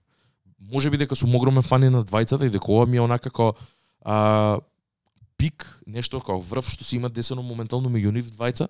Breakfast in Monaco ми е омилената песна од, од Spaceships on a Blade и сега да добијам албум цел во истата таа естетика, уште тоа уште тоа ми го прави боле. Од друга страна, продукциски мене ми е многу силен, пак ко фан на Алхимист, тоа е ептен онака алхимиск еск продукција со многу добри транзиции, албумот е целиот споен во едно, значи 15 траки сите се да. споени, има интерлуци измеѓу а, со Хорхе некој мексиканец. Пак го има ги има тие тие моменти на Лири Джун каде што е, е, Лири Джун на пример го има можеби Uncle Herm, ама наместо Uncle Herm сега е на пример Хорхе од Мексико. Има некоја прича а, што Може би треба да си фан на, на подлабоката дискографија за да ги фатиш тие cues онака дека ги има внатре. Може би не се толку многу јасни. Од друга страна пак, а, ако што кажав, ја ова го сметам за поише како major а, major label а, релиз за Lady June и тоа може се гледа и преку спотовите, значи претходните спотови му биле добри, ама мислам дека првиот вага што ми е на, на ум, што ми останато е Breakfast in Monaco, дека е многу поспецифичен. Трите спота се исто толку добар квалитет, дури и боле, со тоа што еден од спотовите и еден од сингловите го имаше и Big Sean, кој што е многу големо име. А реално направиме муабет. Ја уште кога видов Алхемист, Big Sean и Лери Джун на трака ми беше многу чудно. И не знаев како ќе изгледа, ја пуштив песната и се изненадив. И можам да кажам дека ми е пак ми остана една од омилените. Топ 3 ми е од албумот дефинитивно. Мене. Дефинитивно. Big Sean овде е феноменален, многу добро влага. А, Мислам дека и дека ти се свига дека ја размрдува целата работа на крајот. брат. брати, ја размрдува целата работа, ама и многу добри ствари, збори, а, се се се поврзува тука на, на тоа јадам здраво, ми расте косата, ме разбираш свето. Го има тој моментот пак он влага у стилот у, у таа есенција на на Лери Джун, каде што Лери Джун толку многу не допира до неа. Ме разбираш на својот собствен албум, Да. што е многу интересно. А, албумот ми почна многу добро. Првата песна се вика Turkish Cotton. А, интересен бит, интересен семпл, интересна песна Интересно име. и интересно име, да, дефинитивно. Продолжува со 89, Ear- 89 Earthquake, која што исто така хайлайт на албумот. А, и продолжува со Solid Plan. Solid Plan за многу луѓе може да биде и Трнов, може да биде и Вакво. Дарко е еден од нив, тоа ми го кажа. А, каде што а, Action Bronson е овде на траката. И овде е, например, таква drumless beat, drumless beat е само семпл е зборат за ствари, ама Action Bronson овде ми остава многу голем впечаток дека а, збори нешто цело време у Сопранос референци, овде кажува дури дури го отвара врсот има као го, го отвара врсот in classic Action Bronson Fashion, uh, Action Bronson fashion го отвара со It's Me, као тоа е неговиот едлип и само ми вика као What the fuck do you want me more to say? Као веќе све јам кажам што сакате да поише, а кажам и почне да збори за Сопранос. И као дека до толку више нема нема што да збори човеков, збори за Сопранос и као кажа интересни моменти, мислам ако го немате гледано Сопранос збори за као Тони го убива Пуси, као так, такви некои моменти ако имате гледано серијата ќе ви се јасни. Добри референци интересни референци Нью Йорк референци пред се. А, затоа за после тоа одма да почне Palisades Калифорнија, исто така и од овде се префрла на Summer Rain. Summer Rain тебе ти се свија? Океј ми е. Мене ми е окей, ама сваќам дека албумов брат има една единствена намена, а тоа е да си у drop down некоја кола брат, некој convertible и да возиш некаде брат. Као Summer Rain ми е онака као а, зајди сонце некаде, не знам брат. Брат, ама кој албум Црна на Леви Гора- Джун него него Да, прави да, ама ова Ептен е онака, Ептен, Ептен ми е некако дека ова е многу бавно, брат. Ова нема баунси ствари у него. Ова ми е Ептен онака за да го пуштиш и на ауто пилот, брат. Круз контрол пуштам на стотка, брат, и само шивам, брат, право. И го пеам збор за збор целиот албум. Тоа ми е. Summer Rain една од тие песни, брат. Многу ми е добра. Фичер од Тај Дола Сайн кој што има феноменални вокали овде и кој што многу го размрдува. Многу многу му дава друга енергија на, на албумот бидејќи е колку се 4-5 траки и инонака и као еве ти, еве ти малце нешто поинаку. Ме разбираш, еве ти малце пеење, еве ти друго. А, бидејќи Лери Джун само до овој момент само пее на едно место каде што буквално вика на 89 Earthquake Sing it Larry кај што вика и кој што почне да пее. А, So, легендар, многу многу добро. А, така да затоа ти велам го има тој поише као индустри фил дека го имаш тај дола сайн кој што е исто така голем. Ја ги сметам за големи, не не верувам дека е лесно да добиеш од тај дола сайн фишер верат посебно ако си Лери Джун. Мора да има некои конекции од некаде, ме разбираш? Мора да мора тај дола сайн да сака да направи со тебе, ме разбираш? Не е туку еве ти 20.000 евра или колку и да кошта фичер тај дола сайн и да го земеш. Се гледа дека се праени за песни, не се купени врсови, туку може би не у студио, ама као објаснета е енергијата што треба да се направи. Многу органски некако се направени фи... што е многу добро на денешницава да се направат. Овде ми нема еден фичер што не ми што не ми е кој што треба. моран за за артистка Леди Джун, па дури за The Alchemist, мора брат. Таков Да. има начинот на работа. Мора, нели? Мора мора да биде направено кој што треба. И заради тоа мислам дека многу многу добра точка на албумов се сите features бидејќи нема една лоша. Следна после после после Summer Rain е Orange Village која што искрено која ја пуштив прв пат, мислев дека е JD Dilla бит и отидов да проверам одма кредитс и се изненадев дека е Алхимист и Бит Буча, што Бит Буча е онака како а, тоа го збореше и Джака, Бит Буча е еден од артистите кои што има хакнато тоест Кискин го збореше тоа. Бит Бит Буча е еден од луѓето кои што го има пробиено целиот код на вакво, но они не се он не семплува. Тоа он го зима семплот и го и го рекреира само, го го прес, го пресвира и он фактички користи негова мелодија која што е малце изменета. И фактички не, фактички после Алхимист го зима неговиот семпл, што он го има пресвирено, он добива кредит за сето тоа и Алхимист го свири, ме разбираш дека како он си прави негови собствени чопс и ги продава, тоа му е неговиот вакв. Или ако се инспирирани од песни кои што ги наоѓа исто така од Крей Дигинг а, многу ме потсеќаше на Джей Дила, па и дека видов Slum Village дека се натракава, ептен, ептен ми изненади се до тоа. И ми е многу мило, Детройт конекција, а, штета дека не е Дила бит, ако беше Дила бит ќе беше уште толку многу боле. А, Porsches in Spanish, исто така и ова беше четвртиот сингл ова беше од албумот, кој што можеби најмалце впечаток ми остави, ама па и четврт сингл е два дена пред албум релиз, а, добра песна, али не ме удри толку јако како сите три други. Мене 60 Days може би ми е вака релативно најслаб, ама дека беше прв, ми го дај епнен хајпот за да и тоа таков, Да. таков впечаток ми остави. За четврт сингл е окей. Ја Да. видел или со ово или со Ocean Sounds, брат, од моите фаворити како, да речеме, четврта, пета најдобра песна Така. на албумот. Следна е Art Talk, за мене омилената песна на албумов, ама а, ќе кажам свесно дека ова не е Лери Джун песна, тоа му го кажав и на Дарко, на песнава гостува Болди Джеймс, фактички гостува Лери Джун, ова 100% сигурен сум дека е некоја песна што не се искористила на некој проект за Болди Джеймс и му е дајана на Лери Джун и некако е направена за да он да биде прв, Болди да е втор. Многу е бавна, а, има интересен многу soulful sample, многу е бавна, таква ептен у стилот на Болди, на Болди му лежи многу, ама и Лери се снаоѓа добро, само што пак ќе кажам тоа Дарко што го вели е многу бавно. Не сум навикнат да го слушам седо тоа, ма мене ми мене ми прија дека пак ми е нешто пак ново од од Лери Джун. Ама ти го слушаш тоа кој е Болт се Болди Джеймс и Алхимис заедно. Да. Јас тоа не го слушам и јас Лери Джун од другата страна му доаѓам и затоа мене ми е пребавно. Тоа. Ја тука од ново место најчесто ги го гасав албумот. Плюс Да. минус. Епа, епа овде, овде веќе, значи Ocean Sounds ја зборевме, една исто така од хајлајтите на, на албумот, па после се префрла во Exito, а, Le- Left No Evidence, so Evidence, го има Wiz Khalifa, кој што исто така има многу добар фичер овде, кој што пак Мене ми се свига исто Wiz Khalifa. Да, да, Wiz Khalifa, Wiz Khalifa ми е одличен овде, феноменален ми е. А, Berrigan Lighting, Joey Badass, Currency, исто така. Ова е, например, ова, например, не ни мој... Ја имам слушаното три пати песнава, многу ми се свиѓа, ама сваќам дека е тешко да стигнеш до неа. Посебно ако го пушташ албумов од Top to Bottom. Онака тешко се стига до неа, а последните две песни и самото аутро, Merge's Candy House, ми е една од хајлајтите на албумот. Значи имам поише песни. Ја од 15 песни можам комотно да одберам 7-8 кои што ми влагаат. И тоа поише од доволно од 15 албуми, м, 15 песни еден албум. од 15 да, од 15 песни, еден од од, од еден албум ти да можеш да одбереш 7, 8, ако не и поише од тоа, поише од доволно. Ја ги одбрав толку сега ги срцнав брат.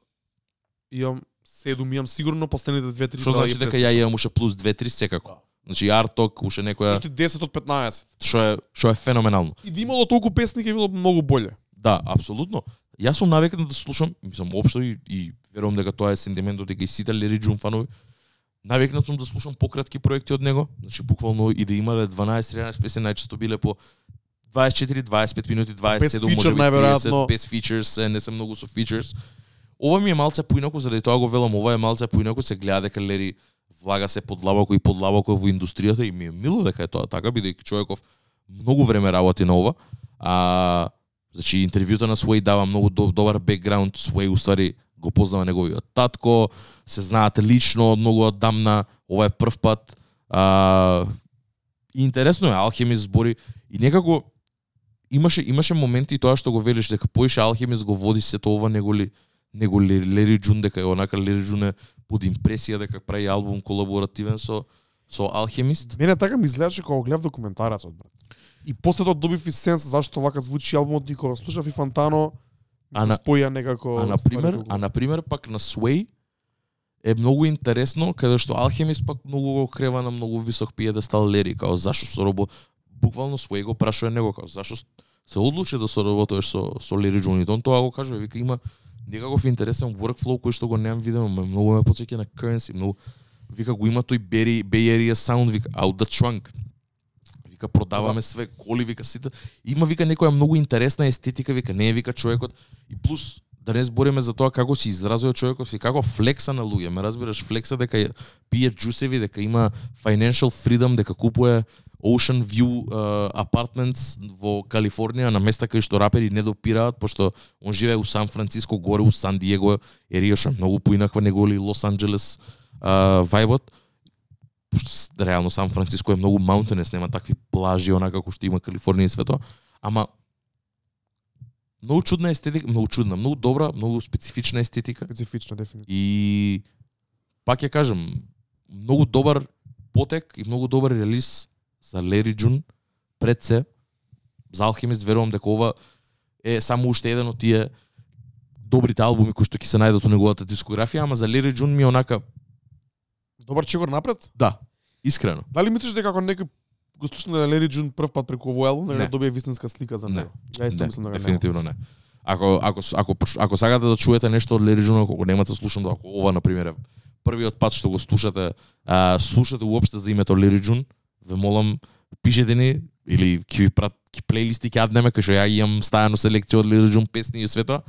Немојте да почнувате од овде Лери Джун да слушате, почнете од постарите ствари, бидејќи има многу разновидни ствари, ама ја кап, ја, ја каптивираат истата енергија. Овде е малце поинаку, звукот е малце поинаков, кој што кажа Драко, тоа е предводено од Алхимист пред се и од неговата продукција. И заради тоа звучи кој што звучи. Малце е побавно, малце е tone down, малце е монотоно. И заради тоа мислам дека и доколку а, не си фан на Лери Джун, ако ова ти е првиот албум, заради тоа и реков фантано, мислам дека неговиот низок скор не е искрен, дека ја нема слушано доволно музиката на Лери Джун за да може да може би ја има, не знам, ама претпоставувам дека ја нема бидејќи нема никаков ревју дајано до да сега на него.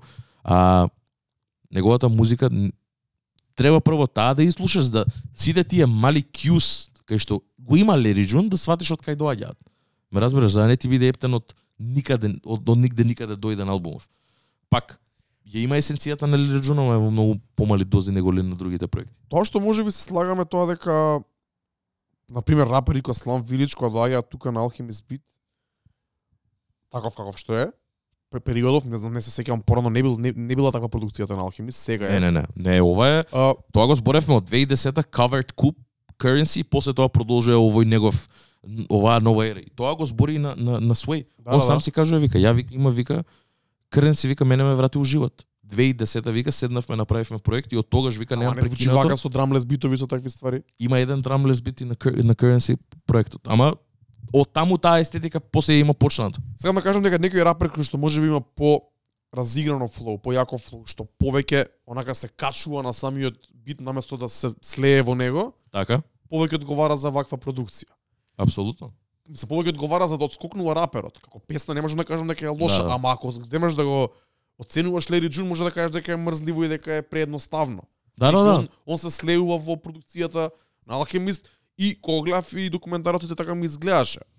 Он ми изгледа дека е воодушевен дека прави музика со Алхемист. Што не е лошо. Не е лошо. Ама го имам тој впечаток дека брат и Алхемист, па дури фановите на Алхемист кој ти, кој многу други луѓе кои слушаат само таа музика, онака го поштуваат тоа губење на Алхемист, губење на Алхемист со Action Bronson се прави нешто несватено ово она. Усвари не е до толку добро, туку е само правење на онака, правење на музика као еј ова се многу јако, семплот како го твикна брат има 15 песни, секој семпл е твикнат на некој начин, ама не дека двои едно битовите не можеме да ги одвоеме тука едно од друго кој е кој кој, каков. Така. Не, те разбирам, добро. Тоа Тоа е тоа за е лошо, поише- него го зборам како Да, да, да. човек што не ја слуша таа музика, што гледа од страна како се Да, да, малце е по такво е. Специфично Губење е, губење е и гики е, нерди е скроз, као не, ја него него него а, не, него не, него тргам тоа, стварно, а, таа Таа музика човек што не е фан на тоа. Да, да. Ја го слушам примерно тоа, затоа Карак- може би ми е карак- колку чудно. карактеристична е дефинитивно и треба да ти е можеби примарниот звук за да за да за, за, да, за, да, за да го примаш така позитивно и убаво без да ти биде Да чудно. можеш да ги разликуваш сите тие ќе кажам семпловите нормално дека се различни, ама па од друга страна па, па се сличен тип на семплови. Да, да, да, да, да. Не, не, те разбирам потполно Ги што сакаш да разликуваш кажеш. тие нијанси, треба да си многу подлабоко навлезен во ова.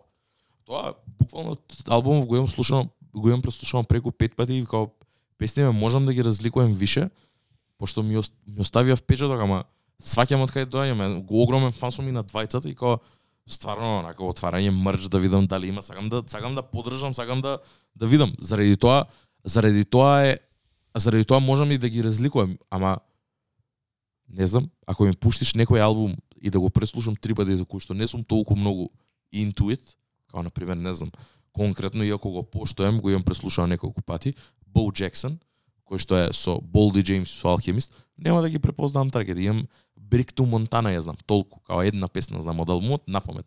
Другите ми се онака, ако ми пуштиш, може било која од нив да биде, ме разбираш, Да. не ги разликувам.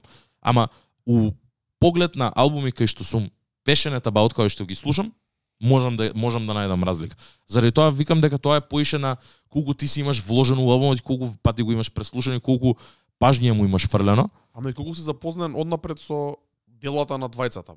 Заради тоа мислам дека за да можеш да го вреднеш управата смисла на зборот ова кој дали ќе ти се свија или не, мислам дека треба да ја знаеш дискографијата и на овој и на и на June и на, и на Dalhim, дека June и на пример тие албуми кои Out the Trunk и сите тие кои песни што ги знаеме онака и uh, 1993 и Let's le, le, Let's Drive to Vegas оние класики некои што му се а тие се тие се тие да правим ама на пример а, никој не ја знае песната She's Not Around од со Jay Ward кај што ова го прави на 70 бит многу бавно или Let Me Sing To You на предходниот на Keep Going со со Хери Фрод каде што пее онака како што човеков плач и аутро на песната. Така да има има има чудни моменти Лери Джун во во многу различни албуми дека има толку многу музика. Заради тоа мислам дека треба да го преслушаш во целост ако можеш, за да можеш да го почитуваш па и него во целост овде на албумот кај што и мислиш дека е слаб, има место од кај потекнува тоа, ме разбираш? Да. Тоа сакам да кажам. Тоа ми беше заради тоа пак се работи за вкус. Мене на пример албумов ми беше многу силен, многу сериозен проект и затоа велам субјективно искрено, можеби во мои очи верувам дека е и контендер за AO за албум of the year за 2023 иако текст текст ми почеле буквално април месец немаме добиено толку многу а, а, она релизес, немаме зборено за толку многу албуми и се надевам дека ќе ќе ќе добијам албуми кои што ќе можам да зборам вака за нив. Имаме, а не ќеме да да ја правиме да да ја должиме премногу епизодава и да ја правиме предолга. А имаме и други албуми кои што сакаме да ги избориме. А DJ Drama извади нов албум. Tyler the Creator извади а, делукс издание на на својот албум од 2021 кое што исто така многу ми се свијат, извади пет траки, начинот на кој што ги извади тие ми се свиѓаат многу со визуал, со све.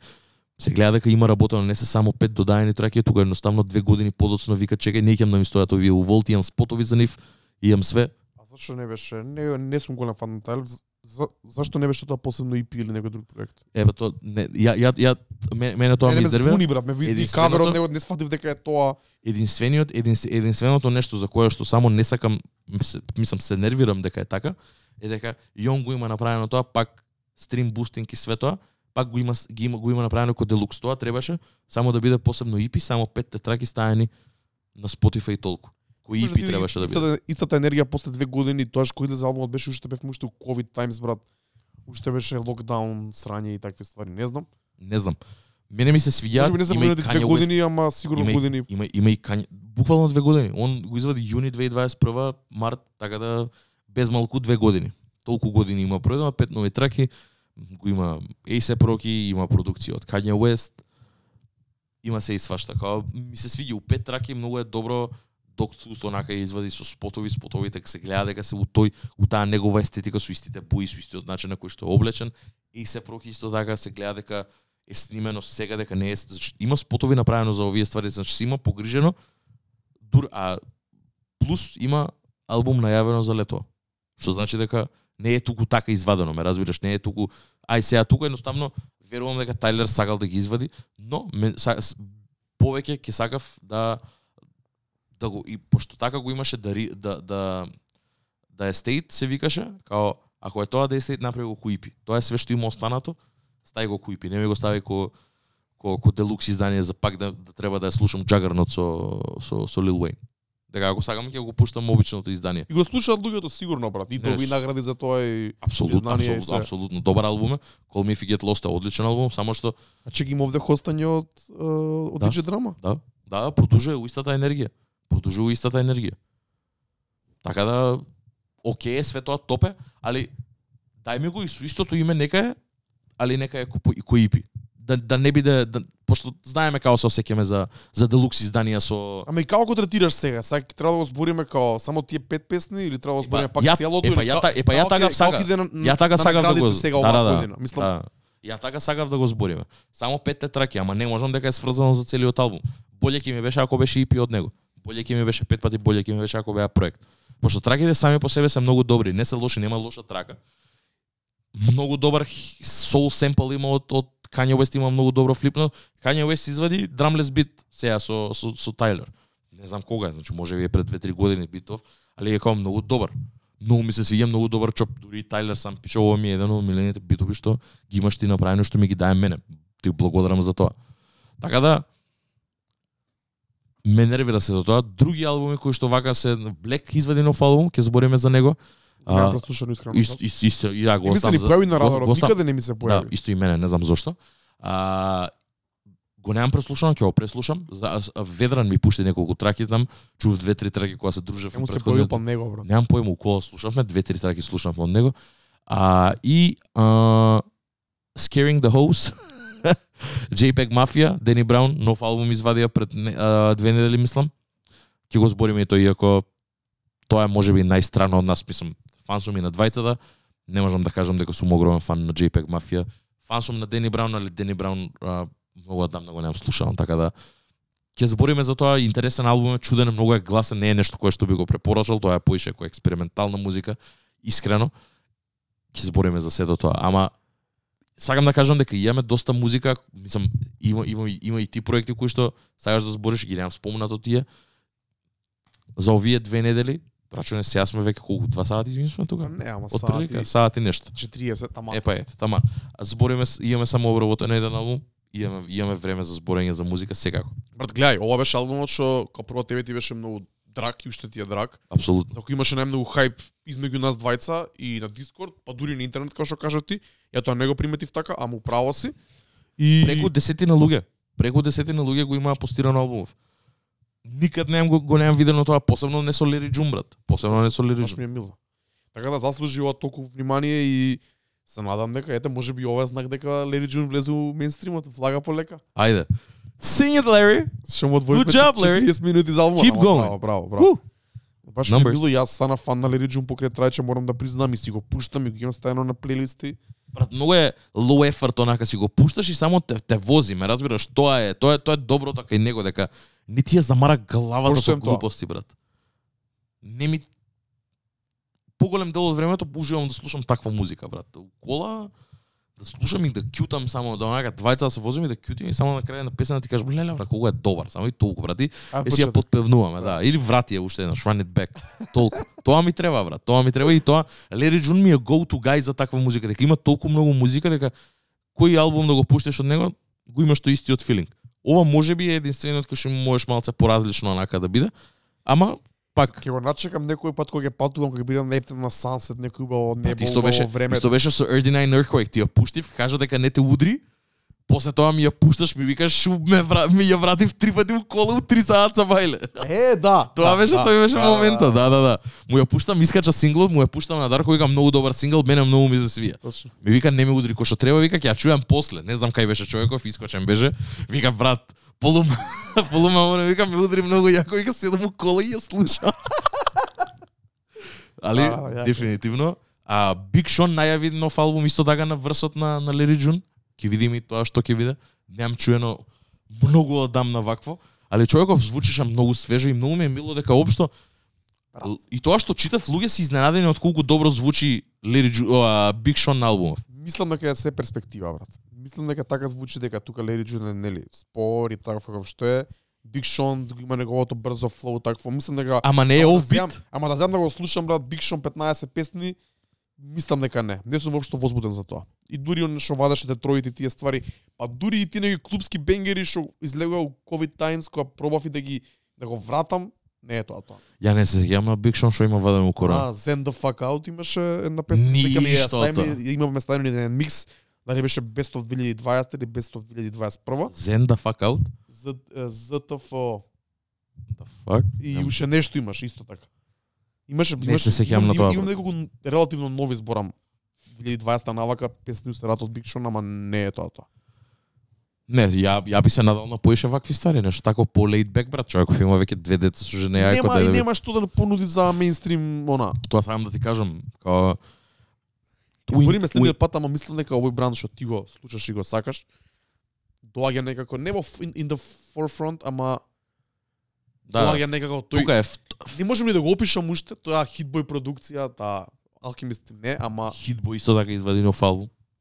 онака гледам више дека има некој тој бран си постои тие неколку бран бранови од дали Гризелда, дали од Да, да. западниот брег. Ама сега некако влагаат и по индустријски. Ама некако влага, да. знаеш, онака тој не може да го опишам тој традиционален, тој хип-хоп онака, хип-хоп е само, не, не може да не може да му кажеш, валја ќе се направи некој име и за тоа. Ама така се враќаат некои артисти се враќаат, од но од друга страна мислам дека се вади премногу музика и не е се толку квалитетно, ама ми се свига дека се вадат проекти и иде на Spotify иде на стриминг сервиси само со неколку спотови. Тоа го приметивме и на македонската сцена во овој месец излегува неколку EPs на Spotify. Тоа што го збориме брат 3 години више Јап. дека нема ни финансиска ни никаква логика ти да правиш спотови за песните кога реално немаш толку многу фанови и нема толку спотот нема да ти се сплати на крајот на денот. И тоа е фер. Апсолутно. Фер е да извади музиката да ја слушаме на Spotify, на YouTube, само извади ја така да ја слушаме.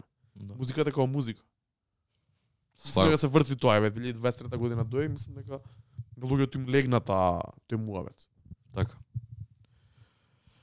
Еј, поише проекти, а, се надам на поише проекти од а, македонската сцена. Добивме неколку Добивме неколку, ќе ги збориме дефинитивно. Зборевме еден, предходниот пат, го зборевме дамка циглата. Ке Он беше прв од низата од прв од низата, Значи, да. да спомнам, да го спомнеме Стиви, Јап. а, Викса и Пишле ги спомнавме, а, Лери од а, Straight out of. Битола, да. Нju МВР Ја не го знам човекот дали Најме долго време сум човекот шарал до него, дури Кика ми пушти нешто и после Скопје Значи, значи, септември. значи имаме ту ту ту лери лери изданија. Да, да. Тоа сите се кратки EP по 5-6 песни, баш како што треба да биде. Така да 4 EP од македонската сцена што се блиски до нас, ај може би дамка и не е нашиот тоа што го фаќаме ние, ама еве 3 ги фаќаме реално. И Flex најави EP, Исто надам така. дека ќе има и ќе добиеме уште нешто и тоа мислам дека е правиот начин на вадење на музика денес. Така. Мило ми е. Ќе збориме за нив. А, ќе има ќе има и време и место за нив, онака со слот, со све каде што ќе ги обработиме кој што треба, сакаме да даеме шајн на нив. Многу е битно.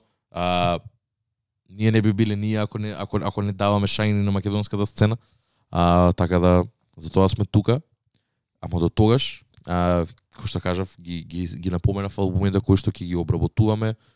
А, кој што еден да обработивме сега во оваа епизода, ќе обработуваме во во следната ќе ги спомнеме накратко, дали како први импресии, дали како албум ревјус, не знам, поеше би рекол као а, први импресии дека бидејќи а, не знам, пројде времето кога бев кога кога бев онака едва и чекав да чујам албумот Black. Искрено ќе кажам. Па затоа ова беше толку долго бидејќи едва чекаше да го чуеш албумов, имаш за секоја песна своја свој коментар. Да, да, да. Албумот на. Леди Джулин Алкемист. Дефинитивно, дефинитивно.